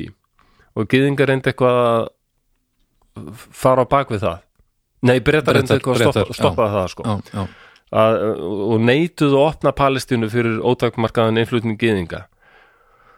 Og þá var breytis hagana í sem, það er aldrei magnað að hugsa þetta er forveri ísraelska hersis þeir, verða bara fullkomin hriðvirkasveit sprengja brýr, járbröðalinur sprengja skip sem þarna, herskip sem voru notuð til þess að uh, vísa innan gerðsalepa ólöglegum innflytjendum Mm. gyðinga úr landi. Hvað, veistu hvað þessi sveit telur marga? Sviska, Nei, ég er ekki viss um það sko. Það voru líka fleiri fleiri grúppur. Já, um, og svo eh, setna verður sko hakana bara aðal varnalið gyðingaríkisins og hérna setna bara hluti, verður bara herin mm og, og hérna Ísælski herin heitir í dag sko Tva Hagana Le Ísra já, Ísraelit í varnarlið Ísrael. Þannig að þetta er ennþá í nafni. Mm Ég veit hvort að tala eitthvað aðeins um aðra eins og þessi Irgund Svæli Ómi sem var mjög eh, svona illa þokkuð, hún var alveg það var nánast sko fasistar, Að mjög ultra hægri sinnaðir. Að meðaltali í þessar sveit úr 21.000 21.000, já, með það er nú mjög meira en ég hefði giskað á. Já, en þetta er frá, þér er verið að tala um þá frá sko alveg 20 til 48 Já. þetta er meðaltalið af því sko. Þannig að uh, það segir kannski ekki þetta segir, gefur ekki rétt að myndaði hvernig, hver stærðin var og þess, akkurat þarna. Já. En þeir þóttu nú hófstiltir miðað þessa Irgund Sva Leomi sko. Mm um, það var þetta var öfga fullur þjóðveitnishópur -hmm. það er bara fasískir gyðingar sko. Þeir höfðu mér sko, sagt sig frá alþjóða síðunustar samtökunum að því að þeim fannst þeir vera of miklir auðlar Mm og þeir voru alveg á því sko að við þurfum að ná okkar fram ef nöðsinn krefur með valdbetning og þeirra markmið var að yrði gyðingaríki beg- báðum megin við Jórdan ána. -hmm. þeir fröndu hriðverk, morð gegn bretum, þeir lítu þeir bara, bretar eru bara ólöglegir hernámsmenn í hennu helgalandi Mm. og, þeir, og þeir voru náttúrulega líka gegn aröfum Mm og þeir tóku þátt í að skipuleggja uh, innflutning ólöglegar innflytenda og þeir, og þeir tóku marga breyta af, af lífi sko, rendu hermönnum tókuðu á lífi og hérna, Mm. já þannig að það var mjög hart á milli þeirra og breska hersins. Og svo var þetta störn gengi, það voru önnur öfgasamtök líka já og það er eiginlega alveg sama sko, það er eitt magnaðið störn gengið að þeir sko voru sérstaklega einkendið þá að þetta breyta hatur Mm. þeir þeir ríðust játtil meira á breyta heldur en araba í Palestínu. Já, og þeir með þess að í setni heimsturöldinu höfðu þeir samband sko við eh, við Þýskaland og spurðu sko hvort að það geti ekki orðið ykkur samvinna á milli. Já, já, ok já. en uh, breytan náðu að finna þennan Stern mm leiðtóan og hérna Abraham Stern og, og myrða hann og hérna og á endanum náðu þeir daldi að slökkva í þessum hópi en mér er bara magnað sko að hríðurka starfsemi þessa hóps störngengisins -hmm. þeir mér sér sko fóruð alla leið til Kæró og, og myrtu þar Móin Lávarð sem var sko eða utaríkisaður að breyta í, í miðausturlöndum eða svona miðausturlandar á þeirra ok, Já, já, og þeir reyðust á flugvelli, járbrautir og hérna. Og þetta er alveg fyrir Ísælsíkju, þá þegar er allt orðið brjálað þarna, sko. Mhm. og, og breytar að reyna að stjórna þessu þetta er. já. En já, já, við mun langa aðeins að minna sko að störn uh, það er engin sko þessi yrgunsvæli ómi herút eða frelsisflokkurinn í Ísrael mm hann, hann breytti sig í það. Já, sem var svona, já flokkur sem er mikil stjórnmálflokkur sko. En hvernig er störn skrifað? Stern Stern bara, já, já, stern. Ok, já, já, mér langaði að minnast þess að hópa bara að sjá bara sko hvað þeir sveifist einskis, þetta sýnir líka bara hvað þeir vissu þetta verður, þetta verða átök. Mhm. við þurfum bara að berjast fyrir þessu. Og fyrst að breytar voru að reyna að stjórna okkur þarna eitthvað, þá berjast við gegn því. Mm. um, að því að síjónískur hugmyndafræðingar eiginlega allir, þeir töluðu um það að sigra landið hæðkerfið þarf að vera stjórnað af gyðingum Mhm. og við byrjum að því að við, við kaupum landsvæði í stórum stíl og við þurfum daldið að reyna að skipta sko arabísku verkafólki út fyrir gyðinga Ma- m- sta- markmiðið var við okkur fjölga svo mikið að við verðum annarkvort sko jafn mörg eða meiri hluti Mm. og eignast all land og svona Mm. Og það var líka stert hjá þeim sko að hvetja vinnuveitundur gyðinga til að ráða bara gyðinga. Af því að það mun hjálpa til þess að arabarnir bara fórna höndum og, og leit út fyrir landsteinana. Mhm. já já. Um, skilabúðin til palestinu manna voru sem sagt aldrei skýr sko að síjónstarhefingin vildi hámarsfjölda lands og lámarsfjölda araba. Það er aldrei þannig og það, það, það er alltaf að ná þessu með því að bara, já, jarðakaupum kaupa jarðir í stórum stíl og innflutningi Og hvenar hvenar er þetta orðið svona skýrt? Er það bara já, þeir tala um þetta alveg fyrir, það er alveg byrjað með fljótlega sko. Ok, aðeins til að benda á bara hvað sko síonismin er rótækur mm. Eh, það var líka það voru hugmyndafræðingar síonistast töluð um sko að til þess að byggja upp heimaland með meiri hluta gyðinga þá þurfum við að flytja palestinum menn út úr því. Mm. en svo bara Leo Motskin sem var einn af leitum síonista, hann sagði orði rétt. Skoðun okkar er svo að landnám Palestínu þurfi að vera tvíþætt. Um, það er landnám gyðinga á landinu Ísrael Mhm. og endur búsetu Araba á svæðum utan þess lands það er ekkert að fara í grafgötur með þetta það, við þurfum að, það þarf að verða meiri hlutin og við þurfum að Já, meina annað. bara að losna við þess aðra Já. Já Mhm. Úr þessu umhverfi kemur Ísrael það er bara mikilvægt að fólk átti að sjá þess Mm. og, og, og það er alveg hóf söm öll í Ísrael. Það eru til að það eru öll sem alveg bara hata og fyrirlíta Benjamin Netanyahu sem finnst hann vera að færa landið í svona í sömu átt og Viktor Urban í umhverfalandi sko, gera þetta ásalega svona já, hálfgeir svona allræðisríki Mhm. já, já. En svo eru hinnir sko þannig að, já, já. En fyrir heimstyröldin markar rosalega þáttaskil.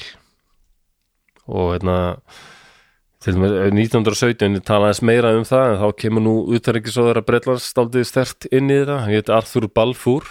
Mhm. já, og kannski tölum aðeins meira um það í lokin sko, við ætlum að enda þetta á Ok, til sína bara hverstas anskotans já, shitstorm er alltaf orðið sem kemur upp í Já. hugum mér. Já. Saurveðri. Já, saurvi eh, saur, Saurviðri. Já, það er flott, saurviðri. Já, það passar bara svo vel við þetta sko. um, það gerist allavega 1917 þá fá síunistar og geðingar loksins stuðning þessa stóra afls sem þeir höfðu viljað fá mm. það er Breitland Mhm. þegar utanríkisaðara Breitland sem hétt Arthur Balfour og var fór ekkit í grafgötur með geðinga þattur sitt honum fannst þetta náttúrulega briljant sko. Auðvitað styðjum við þá í þessu og lostum við þá um leið. Og hérna það var náttúrulega óbáslu uppörfun fyrir þeirra þjóðurnishyggju en sko 1920 þá voru íbúar Palestínu eitthvað um 650.000 og arabar 90% Mhm. bæði múslimar og kristnir arabar. Um, og gyðingarsamfélagi hefur hinn 10% sko. Mhm. og þarna eru spennan fyrir bara vaksandi hvað á ég að tala um þetta? Jú, jú eins og þetta eru rosalega sko palestunmenn hafa lýst þessu þannig sko að finna jörðina undir fótum þínum hverfa mm. lítur vera voðaleg tilfinning Mm. en það var skrifað í það var reitstjórnagrein í dagblæðinu Filastín sem orðaði þetta svona fyrir tíu árum þá byggu við gýðingar og arabar eða sa- saman sem bræður hérna í Ottomanveldinu Mm. og þá voru alltaf gýðingar svo lítill minni hluti það staðvækinin ógnaðum þannig að það var ekkit það var ekkit, bara ekkit á hatri Mm. svo gáttur líka saminast aldrei í hatri sínu á Tyrkjunum sko, Mm, voru yfir þeim. Já, já, En þeir segðu sko að við byggum saman sem bræður síunastar komu og bundu enda þetta allt. Mm. komu alveg veg fyrir þetta gætu orðið orðið okkur friði saman hátt. Já. og fyrst er þetta núningur svo breytist þetta bara í virkilegt ofbeldi sérstaklega hana upp úr 1921 og allan þriðja áratugin sko. Um, en leiðtói verkamennaflósin svo mjög frægur gyðingur í sögu Ísrael David Ben Gurion Mm. uh, hann útskýrði einu sinni, hann sagði við sem þjóð viljum að þetta land sé okkar. Arabar sem þjóð vilja að þetta land sé þeirra. Þannig er þetta. Og uh, hann sem þetta er aldrei á sömu skoðun eins og Jabotinski þrátt fyrir að þeir væru eða pólitískir anstæðingar Hvenær er hann er þetta samtíma uh, Já. góð þá? já, já, Já. þetta er sko í byrjun þriðja áratug sem þeir eru að skrifa þetta sko Já. og Jabotinski hann skrifaði til dæmis 1923 hann sagði þessi fjandskapur palestinumanna eins og koma inn á áðan Mm. er fullkomlega eðlilegur allir innfættir íbúar hvort sem við síðmentaði er ekki hafa alltaf staði gegn nýlendu búum af þrjósku og hann sagði, þá skrifaði einmitt þetta að arabar eru ekkit, óli, eru ekkit frábröðunir síu in, á ég segja Frumbyggjum? síu frumbyggjum í bandaríkjunum sem litu á slettuna sína Mhm. sem sína eign og s- sáu hann að hverfa Já, undir nautgripi kvítamannsins Mhm. og þeir reknir já, já um, smá statistík frá 1882 til 1931 þá sko ferðast alveg 187.000 innflytjendur til Palestínu. Um, síðan kemur Adolf, kemst Adolf Hitler til valda og hefur rosa góð áhrif. Já. þannig að 32 til 38 þá er alveg svona um 200.000 gýðingar sem leita til landsins helga til að flýja nasista. Og það er líka ekki síst út af því að margir þeirra reynda að komast til Bretlands eða Bandaríkjana en var meinað já. því þessi ríki vildu frekar beina þeim Þangað já, hvað sagður að Palestínu í Palestínu hefðu búið 600.000 eða eitthvað? já ég held sko, ég, ég fann 650. það ég held að það væri nú meira sko En þarna þá, Já. eftir þessa flutninga eru þá þá eru gyðingarorðinir eh, 40% af þeim sem er þarna. þeir eru samt ennþá minni hluti sko Já. þegar Ísrael er stofnað Já, ok. Já, já, en þetta, þetta er alveg rosalega aukning þetta er Mhm. það eikst og það er eins og þeir sögðu sko í fyrst, fyrstu var allt í já, já, tekið á mótið um allt í lagi sko við viljum kaupa landaður, já, allt í lagi Mm. en svo fara arabarnir bara að verða skelkaðir Já, hvað er að gerast þetta? hvað er að gera þetta? já, við erum bara að snúa aftur heim heim? Mm. hvernig áttu þið heima þetta? Já, 586 fyrir Kristi við þetta alltaf í svindi já, ok mm. Baldur hættir að læja, hann er bara fullur sorgar. ég er bara að melda sko. Já, sérðu hva, hvaða sko sörfiður er að verða til? Já, Já, já. já, Og það kemur til að það, ver, það er sko stórmúftin leiðtói múslima í Jérúsalem hann hann á endan að segja sko við verðum að bæra skeitt þessu yfiráðum breyta og landnámi síjónista mm.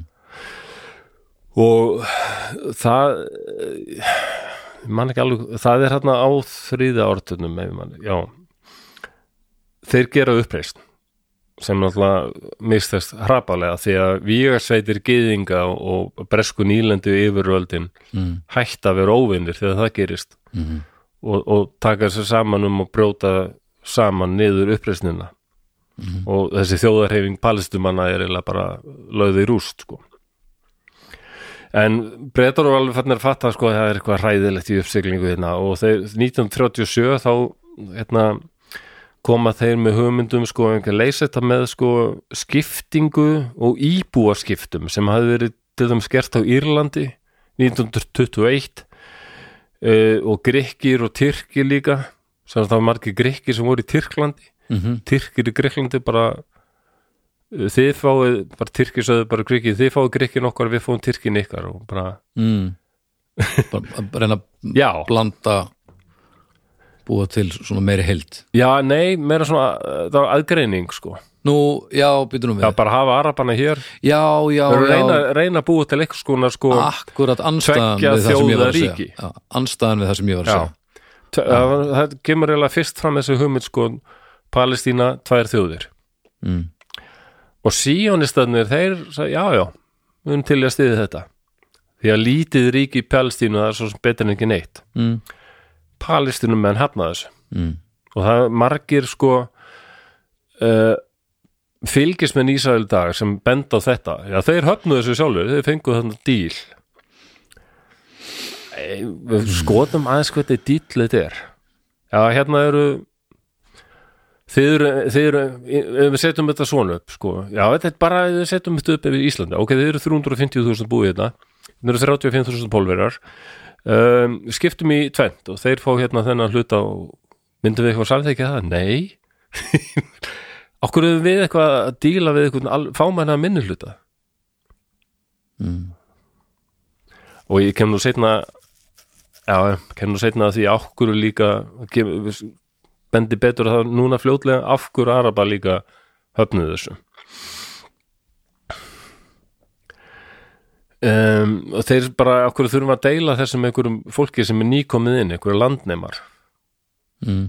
og getur alveg komið auðvitað sérst af en þetta er okkar land og þeir höfðu búist við því að fá sitt eigið ríki, Arabar við kem aðeins núna í lokin að því Mm. hvað veldu því um, um, sko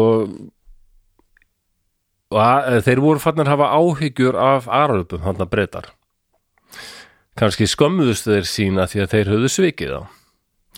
Um, þeir gáfu 39 út bók sem kallu kvítbókin sem átt að takmarka innflutning gýðinga og bjóðu upp á eitthvað palestins ríki þar sem þeir gýðingar sem voru komnir átt að búa og arabar.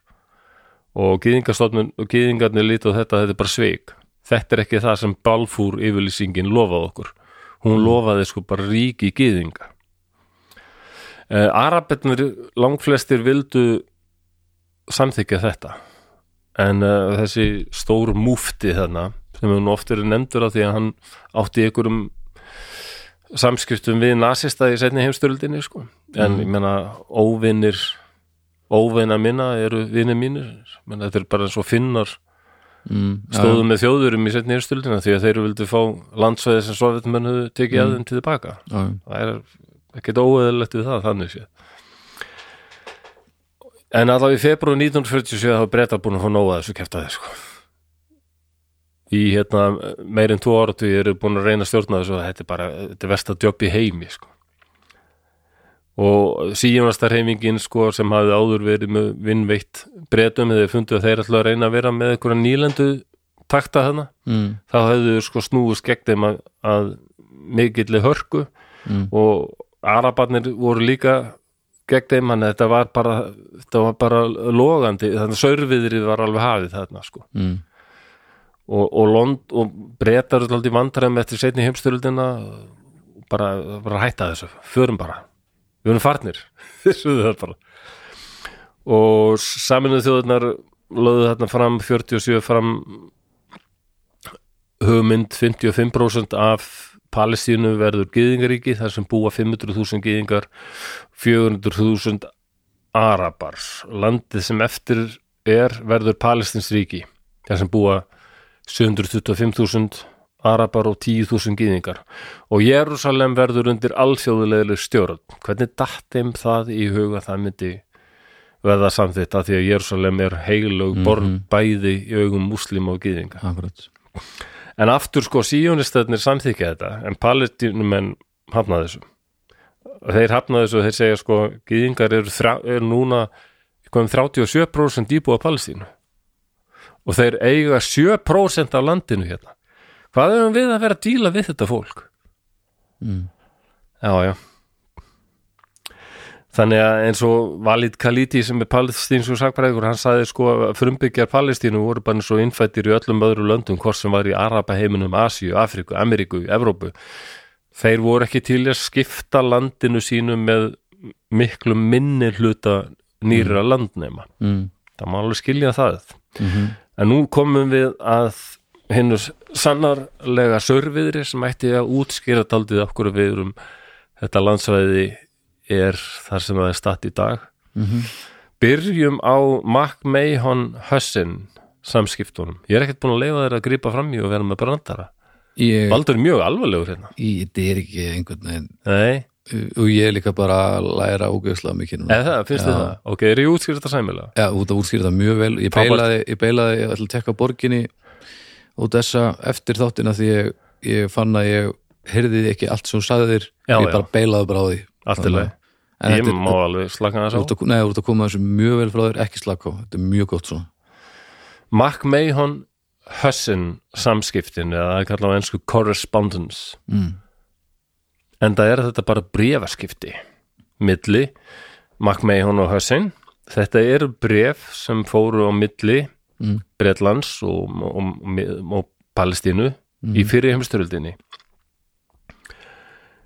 þar stendur Ríkistjórn Bretlands samþykir að viðurkenna sjálfstæði Araba á stóru svæði eftir stríðið. Svæði sem nær frá uh, Aleppo í Sýrlandi Mm allt suður til Aden siðst á palestínuska á hérna Arabas, Arabíuskagan Ok. Þetta er risastórt. Mm en, en til þess að þetta verði verði þá verður sko sjarifinn, ég veit ekki alveg hvað sjarif er eitthvað svona sheriff skerfarinn í Mekka eða svona leiðtói múslima í Mekka verður að hleypa stað allsherjar sko arabískrar uppreisnar gegn ottoman veldinu arabar bara rísi upp Ok gegn ottoman ber- inn, inn, innan frá sko Ó. og í staðinn þá sjáum við til þess að þið fáið ykkar eigið ríki mm. um, þetta áttir að hafa verulega áhrif á sögu miðursturlanda í og eftir stríðið því arabar þeir bregðast við þessu já, þannig að þeir setja af stað al-Þevra al-Arabia hinn mikla arabíska uppreist það sem bara ara, all, arabar sem byggu inn á nóttum veldisins mikill fjöldi, miljónir Mm rísa upp. Af því að Henry McMahon uh, fulltrúi breyta og svo Hussein bin Ali sem tilherði konursinginu He Hejjas sem var, hvar var það aftur? Ég skrifaði þetta einhvers þar Hey, Ég held að það er sko vestur hluti Sáti Arabíu Ok. Það hefur verið þar, þetta konungsriki mm. 10. júni 1916 bara hefst þessi harða uppreist sko. Bretar hafa heitið að viðurkenna við fáum okkar rí- ríki þegar við erum búin að sigra ottomanveldið Mm og þeir berjast með mjög góðum árangri og reka herlið ottomana frá stórum hluta uh, Arabíu skagans -hmm. og Transjordaníu. 1918 hafðu þeir búin að ná Damaskus, höfuborg Sýrlands. Mm -hmm. og þar Hvenær eh, mikla ha, sagður 1918 Ok. þegar, þegar sko fyrir einstöldin er bara ljúka. Já. Og þeir lýsa þar yfir stopnun arabíska konungsríkisins Sýrland. Mm sem var bara mjög stórt ríki sem var bara já, all Palestína, Jordania það sem núna er Sáti-Arabía og allur Arabíu skægin sko. nema hvað að breytar svikuð á mm.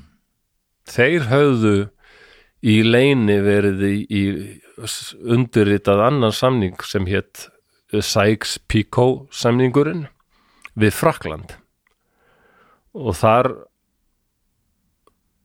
þar, þar, þar kom greinlega ljós þeir ætluðu ekkert að leifa arabum að eignast eitthvað. Heldur átti bara að deila ottoman veldinu milli sigurveðarana breyta og frakka. Og við verðum bara svona nýlendu herrar hann eru til meiri fávitar en brettar í gegnum sögur þeir eiga alveg stóra sök hérna Nei, en er, er einhver sem er meiri í, ef þú tekur allt saman þeir, þeir höfðu langan tíma sko, ég myndi segja að nasistar hafi staðið sem mjög vel í fáðutaskap bara á 12 árum. En, en ef við bara horfum bara í tölfræði og annað já, þú veist, og það skilur sko ég meina? Nei, nei, já, já. Nei, nei, þeir eiga mar margt og mikið á saminskunni þetta er rosalegt sko. já, já, ok, já. Um, þetta var samt, já, leynisamningur gerðu 1916 eða á sama tíma og þeir eru að lofa arfum þessu ríki mm. og þeir láta alveg félaga sína hina, hina vinina, rúsneska heimsveldið og konungsríkið Ítalíu Mm -hmm. uh, vitaði þessu sem báður bara, já, já, þið bara skemmtið ykkur við þetta um, við vinnum ottomanveldið fyrir heimsveldinni og svo bara skiptum við þess á mill okkar og það verður rosalega skemmtilegt. Og þessi lofórð Bretlands við Araba um að það yrði hérna arabíst heimaland á, á þetta stór Sýrland Mm og þeir höfðu risið upp hérna og útelt blóði gegn ottoman veldinu. -hmm.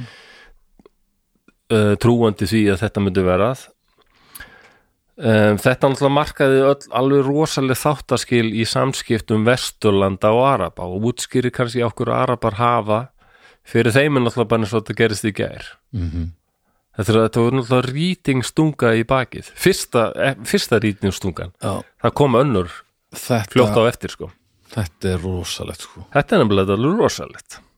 Ég er oft undrandi þegar við erum að tala um þessi mál svo fáir sem vitum þetta. þetta verið rétt rúmlega 100 árum Já. Um, og þetta var alltaf háleinilegt nema það gerist að það verður það eru svona harðir gæjar hérna í Mosku sem taka völdin. mm Þeir eru ekki tripnir að breytum Mm. og þeir opinbera þetta samkomula. Sjáu bara þessa heimsvalda stefnu sem er í gangi hérna. Til dæmis þessi samningur breyta og frakka um að deila upp og blaðamenn í, sko, The Manchester Guardian byrti þetta þetta samkomulag í nóvember 1917 í blaðinu sínu Mm. og því var líst hann að breytar urðu með vandræðilegir arabar skelfingur losnir og tyrkir mjög ánæðir en tyrkir sko það átt að skipta tyrki Tyrklandi upp og grikkir átt að fá alveg stóran hluta Mm. þeir, grikkir átt að fá nú, þe- ef það hefði verið sko þá myndu þeir ráða sko innsiglingunni Dardanel sundinu, þarna innsiglingin inn í Svartahaf Mm og Istanbul væri, tyrk, væri grísk, grísk. -hmm. og, og grikkir reyðust á tyrki sko. Ætlaðu bara að taka þetta með hervaldi nema, nema tyrkir náðu að uh, snúa vörn í sók og reykja grikki þannig burt. Okay. í fyrirbæri sem þetta nú sér þátt í það bara það er tyrkneska sjálfstæði stríðið Mm já, já, og ég vona að einhvern úti sem er að hlusta að að taka saman. Útbúin að segja svo oft upp á síðkastið það er nú bara efni sér þátt. Já, ég gleymi svo jafnóðum, mannst þú þetta? já, ég reyna að skrifa alltaf hjá mér. Já, gott, gott. En það vill svo til að arfleið þessa samkomulags milli Sykes og Pico eða Breitlands og Fraklands mm með samþekki hinna heimsveldana þetta hafi valdið dálítið gremju á þessu svæði. Ekki bara meðal Araba heldur líka meðal annara þjóðar sem var líka lofað einhverju sjálfst, konar sjálfstæði landsvæði. Mm. það eru kúrdar. Já, Já mm, Þetta var, en þetta var fyrsta rýtingstungan í bak Araba. Nú komum við að hérna eiginlega saur viðri. ok En það er, þar kemur Arthur James Balfour, auðaríkisraðar Bretlands. Hann sendir bref 1917 til Walter Rothschild sem var hérna, leiðtói í samfélagsgiðinga í Bretlandi. Hann er forríkur maður og hún er ennþá mjög rík þessi ætt, Rothschild. mm, og þar lýsa þeir yfir eindreginni stuðning ein, eindregnu, sko þar eru líka sjúki að frakka sko.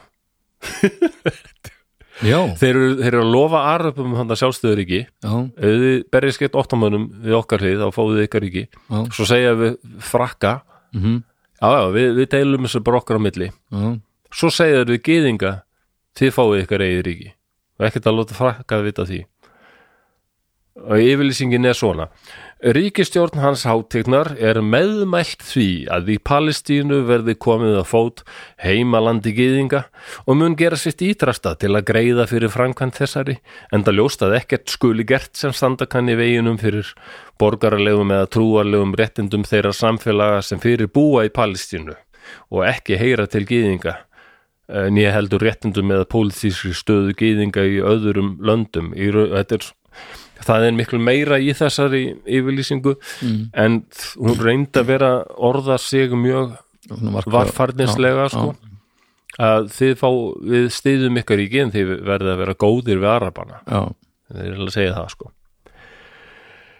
En ég held að flestir heyri það að efni þessa skjáls passar skjál við þetta Sykes-Picot samkumulegði sem bretar höfðu gert við frakka eða þessi Hussein McMahon samskipti þar sem bretar höfðu lofað aröpum mhm, Já. Þetta, þessi yfirlýsing var rítistunga númer tvö í bak Araba sko. og það sér ekki end, ennþá fyrir endan á afleiðingum af þessu og þetta, hún, þetta er stór hlutur í þessari deilu Ísrael og Palestina manna. Og þarna þeir ætluðu sér sko að afla það var tvennskonar eins og ég segi, Arthur Balfour, hann var gyðingahatari. Mm. og með þessu sáu þeir gáttu sko slegið tvær flugur í einu höggi. Afla stuðningsgyðinga sem þótti mikils verðari eftir fyrir heimstyröldina eða svona í lók fyrir heimstyröldar mm, heldur en að fá Araba til að gera heldur en hafa stuðnings Araba sko. Mm, töldu gyðingar eru líklega öflugri. Mm, um, og gyðingar í Rússlandi, Bandaríkjunum og Þýskalandi fá þá með sér sko í, í, og þetta geti tryggt aldrei hagsmunni Bretlands í miðausturlundum eftir stríðið.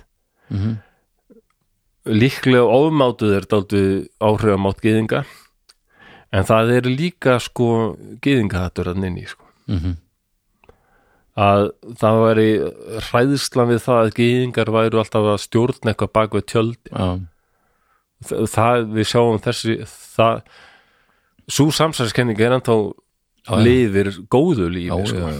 það er svo eins Svo rót- Protocols of the Elder of er eða svo googlið það. rót, rót gróið gyðingahattur já, og þessi að stjórna bara eins og þessi umræðum George Soros í umhverjandi með þess að Sigmundur Davíð Gullusson sko var að nota hann sem einhvern blóraböggul ég misti þetta svo langsótt sko Já. en líklega er ég bara nýtsamur saklýsingi eins og já, já, já, já.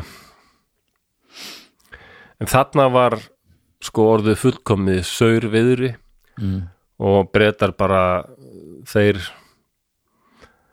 þeir gera þessa frábæru samninga. Allir með eitthvað í höndunum sem gefur þeim afsökun fyrir að tel, segjast verið rétti. Já, og þeir halda að þeir geti bara og, þeir, og við komum bara out on top sko.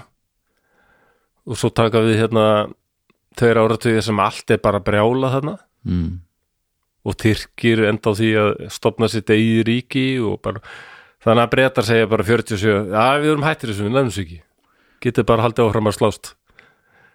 Og þá kemur það því að Ísraelar árið 1948 stopna sitt eigið ríki. En um það verður fjallaði í næsta þætti að vikuliðinni sem fjallar um stopnun Ísraels ríkis og afleiðingar þess. Vá. takk fyrir. Hvernig, já, þér þú tókst mér að varpa ykkur ljósi á þetta? Þetta var mjög mjög skýrt og mjög gott. Mér finnst þetta ekkit flókið, Baldur. Þetta er aðeins flóknara en þér finnst það en þetta er ekki eins flókið og uh, ég held að, að, að svona uh, margir halda og óttast. Já, ég held að margir verið sér við því að, við að, að byrja að kynna sér þetta og þetta er þetta var frábær yfirferð á, á þessum grunni.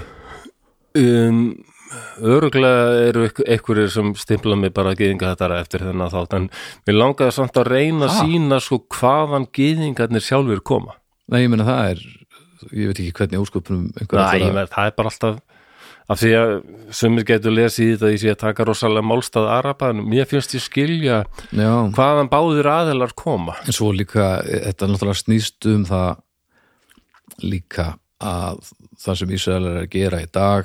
Endur speklar ekki vilja gýðinga Nei, en mér finnst þetta gjörðir Ísælsríki sko Hamas er ekki palestinumenn en finnst, nei, en finnst þér þau og ekki Netanyahu er ekki gýðingar en finnst þér ekki gjörðir Ísælsríkis núna að þú ert búin að vita þess um síónismann? Finnur ekki, heyrir ekki eitthvað bergmál hef? jú, jú, jú, en það er rosalega það eru alveg ofbáslega margir út um allan heim sem eru e, gýðinga hópar út um allan heim sem eru Já, já, brjálaðir, alfara mótið svo miður sín. Þannig að það, þetta er ekki spurningum veist, að fara það, það, nú þarf að passa að blúsi ekki upp gyðingahattur af því að gyðingar eru ekki e, völdin sem eru að ákveða að gera það sem er að gera nei, nei, nei. frekar en fólkið sem er að finna fyrir þessu harðast er ekki e, Nei. langflestir ekki Hamas. Nei, bara eins og nasista náðu völdum í Þýskalandi en Sophie Scholl sem við nú fjallaðum áður já, hún var þjóðveri en þannig að það þarf að passa það. ekki, já. Já, það er náttúrulega óþólandi að vera að ráðast á gyðing einhvers staðar bara af því að þau eru gyðingar eitthvað fyrir gjörður Ísæl já, já, óþólandi heimska sko en, en hatrið verður svo blind já, það er svo ógeðslega stutt í þetta í mannlegu eðli að, nú þarf að passa sérstaklega upp á það að, að, að þetta fari ekki í, í ruglið sko. Uh, Já, þetta er þetta var mjög velgerst þjóðnur Já, gott, að vera það. Og ég hlakka til að taka þetta fyrir. Ég, mér finnst þetta heillandi. Já, mér finnst Palestina mjög heillandi sveiði einhvern tíma verði heimsækja þetta. Mhm. en já kannski ekki ekkert núna. Nei og kannski já, vonandi vonandi verður hægt, hægt að heimsækja þetta. Ég vona það. Um, sem staðin sem mann langar til þess að heimsækja. Já, þó að það sé nú ekki neitt sem bendir til þess akkurat núna. Ég get ekki annað en hleyið þessu sko. Bara, að hverju, hvað, æ, bara þetta fyrst, hvað eru þau að gera hér það er snú aftur heim, við höfum þetta land já, síðan hvenar 586 fyrir Krist. Já. Mér finnst þetta rosalega fyndið en Baldur er alltaf svo já, já. nei, ég er er full, alveg ég aldrei, ég bara ekki lengi séð Baldur svona, nei, þú er, bara þreyttur. Já, er ég svo þreyttur eftir að hlusta djúprátaður í lok þáttar bara en ég var líka rosa mikið að fylgjast með fyrir mann ok, sem uh, uh, ég fann líka svona uh, lifin svona uh, hætt að virka svona Ó, feit nei. út. Og þá þurfti ég að bara setja ekstra mikið að fylgjast með. Já, já, já. Og það mental tókst 100% power. ok, en það er meira þreytandi Já. en og, uh, stundum sko. Við erum að taka upp annað þátt. Það er að koma gestur og allt. Við já, við setnitablan upplýsum ekki alveg hvað það er strax. Setnitablan, hún hérna kemur sterkinn já, það er tvær af dag. Já, ég meina Já. eina, eina stóra og eina minni sko. Já, ég skil.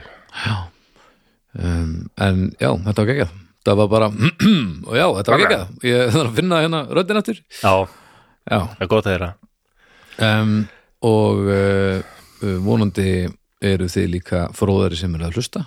Ég vona það, endilega einhvern veginn virðist fólk aldrei líka skoðun sínum varðandi þetta en ég er ósámála það eru rosalega margir sem að þú er ekki að tjá sig? Þú er ekki að taka Já, skæri ok, að, það kannski líka að uh, til dæmis uh, að það þessar árásir á palestinfólk að því að fólki líður eins og það um, það sé ekki þeirra eða það viti ekki nóg eða eitthvað eða það, stundum er bara auðvöldar að þegja en að segja eitthvað en ég er það núna nú, þú veist Ég vil ekki velja eina hlið umfram aðra sko. Ég neita að láta flokka mig í það sko.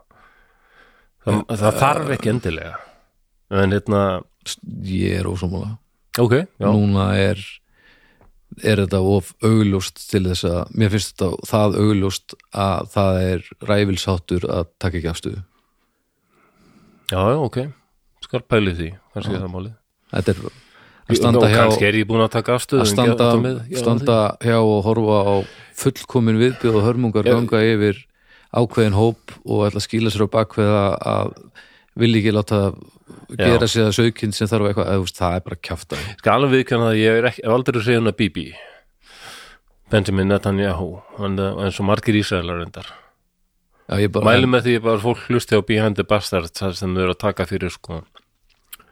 Eh, Benjamin Netanyahu Mhm. hann er mjög umtildur á mörgum Ísraelum líka. Já, Já, já, já, En hvílitt, já, saurviðri sem brettar bjuggu til þarna og sögðu sér bara, já, við erum farnir, bless. Já, já þetta var ekki ekki neitt sérstaklega vel lukkað. Nei, nei, um, Takk fyrir þetta, já, það skemmtilegt verður eitthvað góðu. Mjög fróðlegt. Þetta er það. Eh, við minnum á umræðhópin á Facebook. Þar er hérna alls konar að gerast og þið með endilega Endilega, tegur þar. Eh, ég, ætli, hvað ætli séu til margir internet kílómetrar af alls konar fróðleik bæðin það sem við tekið fyrir og bara almennt? Já, þetta er orðið ansi gott sko. Mér finnst ég alltaf að vera að fara að tala uh, á uh, miklu meira um eins og við höfum áður komið að í þessum já, já, meina sem, það gefur þessu pínu vikt já, já, sko. já, já, þetta er orðin alveg þrjú og hálft ára eða eitthvað. Já, þetta er Oh hellingur. God. þetta er hellingur alveg hellingur, við skulum hætta að nota þetta ljóta tvöfalda Hmm. mm. já. er hellingur, og ennþá gaman en þá mjög gaman og ennþá í gangi af því að snillingar eins og þið sem eru að hlusta hérna á Patreon þið eruð að gera kleift Já. að gera þetta uh, og við uh, munum ekki, við, við gleymum því ekki við kunum gríðalega vel um þetta stundum, talandum að gleyma stundum sendir fólk sko annarkvort mér að baldri okkur báðum sko skilabóðu svona persónlega bara. Mhm. um, ég gleymi kannski stundum að svara þeim en mér finnst samt gaman að fá þau sko, þess að fólk er að þakka fyrir já, já, já, já, eða tala um eitthvað sem það hefur heyrt þáttum og þekki kannski vel til eða, eða byggðum að sé farið yfir eitthvað sko. En það er líka gaman að, að hérna, gaman að þið maður fattar ekki hvað eru margir að hlusta. Nei, fyrir en maður er til dæmis að spila tónleika á túr hvar var það? Í Slóvakíu eða eitthvað? Og þar minnur hafa verið Slóvakíu? Og þar var bara Íslendingur sem kom að þakka mér fyrir tónleikana, jú, jú, en aðalega fyrir drauga þættina. nei, alveg Já, veist, þetta- þetta er bara það er hryllilega gaman að, að hérna, að það sé fólk út um allan heim að hlusta. En við getum séð eitthvað svona getum ekki séð hvar er verið að hlusta og Jú, jú, jú, jú, jú, þetta er allt í tölvunum. Já, einhvern tíma kýttu það þá, ég maður það var alveg furðulustu land. Já, já, já, það er, það er fólk út um allan heim, sko. Já, Og, en já, aðalintakið var samt bara að þakka ykkur fyrir að vera þetta með okkur eh, af því að eh, við gætum ekki gert þetta nei, alls ekki. Eh, það, þannig já, takk. Eitthvað sem þú vilt uh, koma inn á í lokin? Eða ertu bara í góðu fjöri? Já, já, ég er í fínu fyrir hlakkar bara til jólana og, Já, ég gerir það nú alltaf. Já, Mér finnst jólun aðeinsleg en mér finnst ítla færið með þau oft. Já, Alltaf sömu ömulegu jólalögin spiluð bara trekk í trekk. Já, Byrja að auglýsa jólagefir já. Allt og snemma rándýrar jólagefir hvað F var þetta? Æ, þú, þú leði ekki Það er verið að nýðast á jólunum og jólunum, finnst mér já, já, já, já. Hátíð friðar og, og na, ljósið er að ljósið er að hátíð ljós já, já. og friðar Já, og vonandi kapitalisma Já, það er að, ömulega neysluhyggja og kapitalismi sem stundum er alveg að drepa mig sko. já, já. og svo er til fullt af ég meina, það er til alls konar jólalög. Við erum alltaf að heyri þessi sömu ítölsku poplög og hérna ég, ég hugsa með hryllingi sko margir eru hrættir við að fara að heyri Mariah Carey og vissulega er það hræðilegt. Og Wham, Let's Christmas na na na na. En hérna Já, ég er skelvingur lostinn að fara að heyra hérna Svona eru jólin. Svona eru er- jólin. þetta er er svona eitt raunsæðasta uh, jólaviðlag af þeim öllum af því að það er svo mikill leið einhvern veginn í línunni Já, já, og þetta er svona reyna að vera peppalið en svona eru jólin. Það er er er þannig að þetta er, þetta er, er Já, þetta er þetta ekki jólalag. Ég, Þetta er ítals poplag, ég veit ekki hvað er að syngjum í ítalska laginu. Bara einhverja, einhverja hörmungar Já, þetta er ekki. Uh, Nú er hún dáin Nú er hún dáið og brosandi og Ó, já. Það væri óðalegt maður Já, ekki, ekki gott En um, Já. við heyrjum bara aftur eftir viku hér Yes. Takk fyrir að hlusta og bless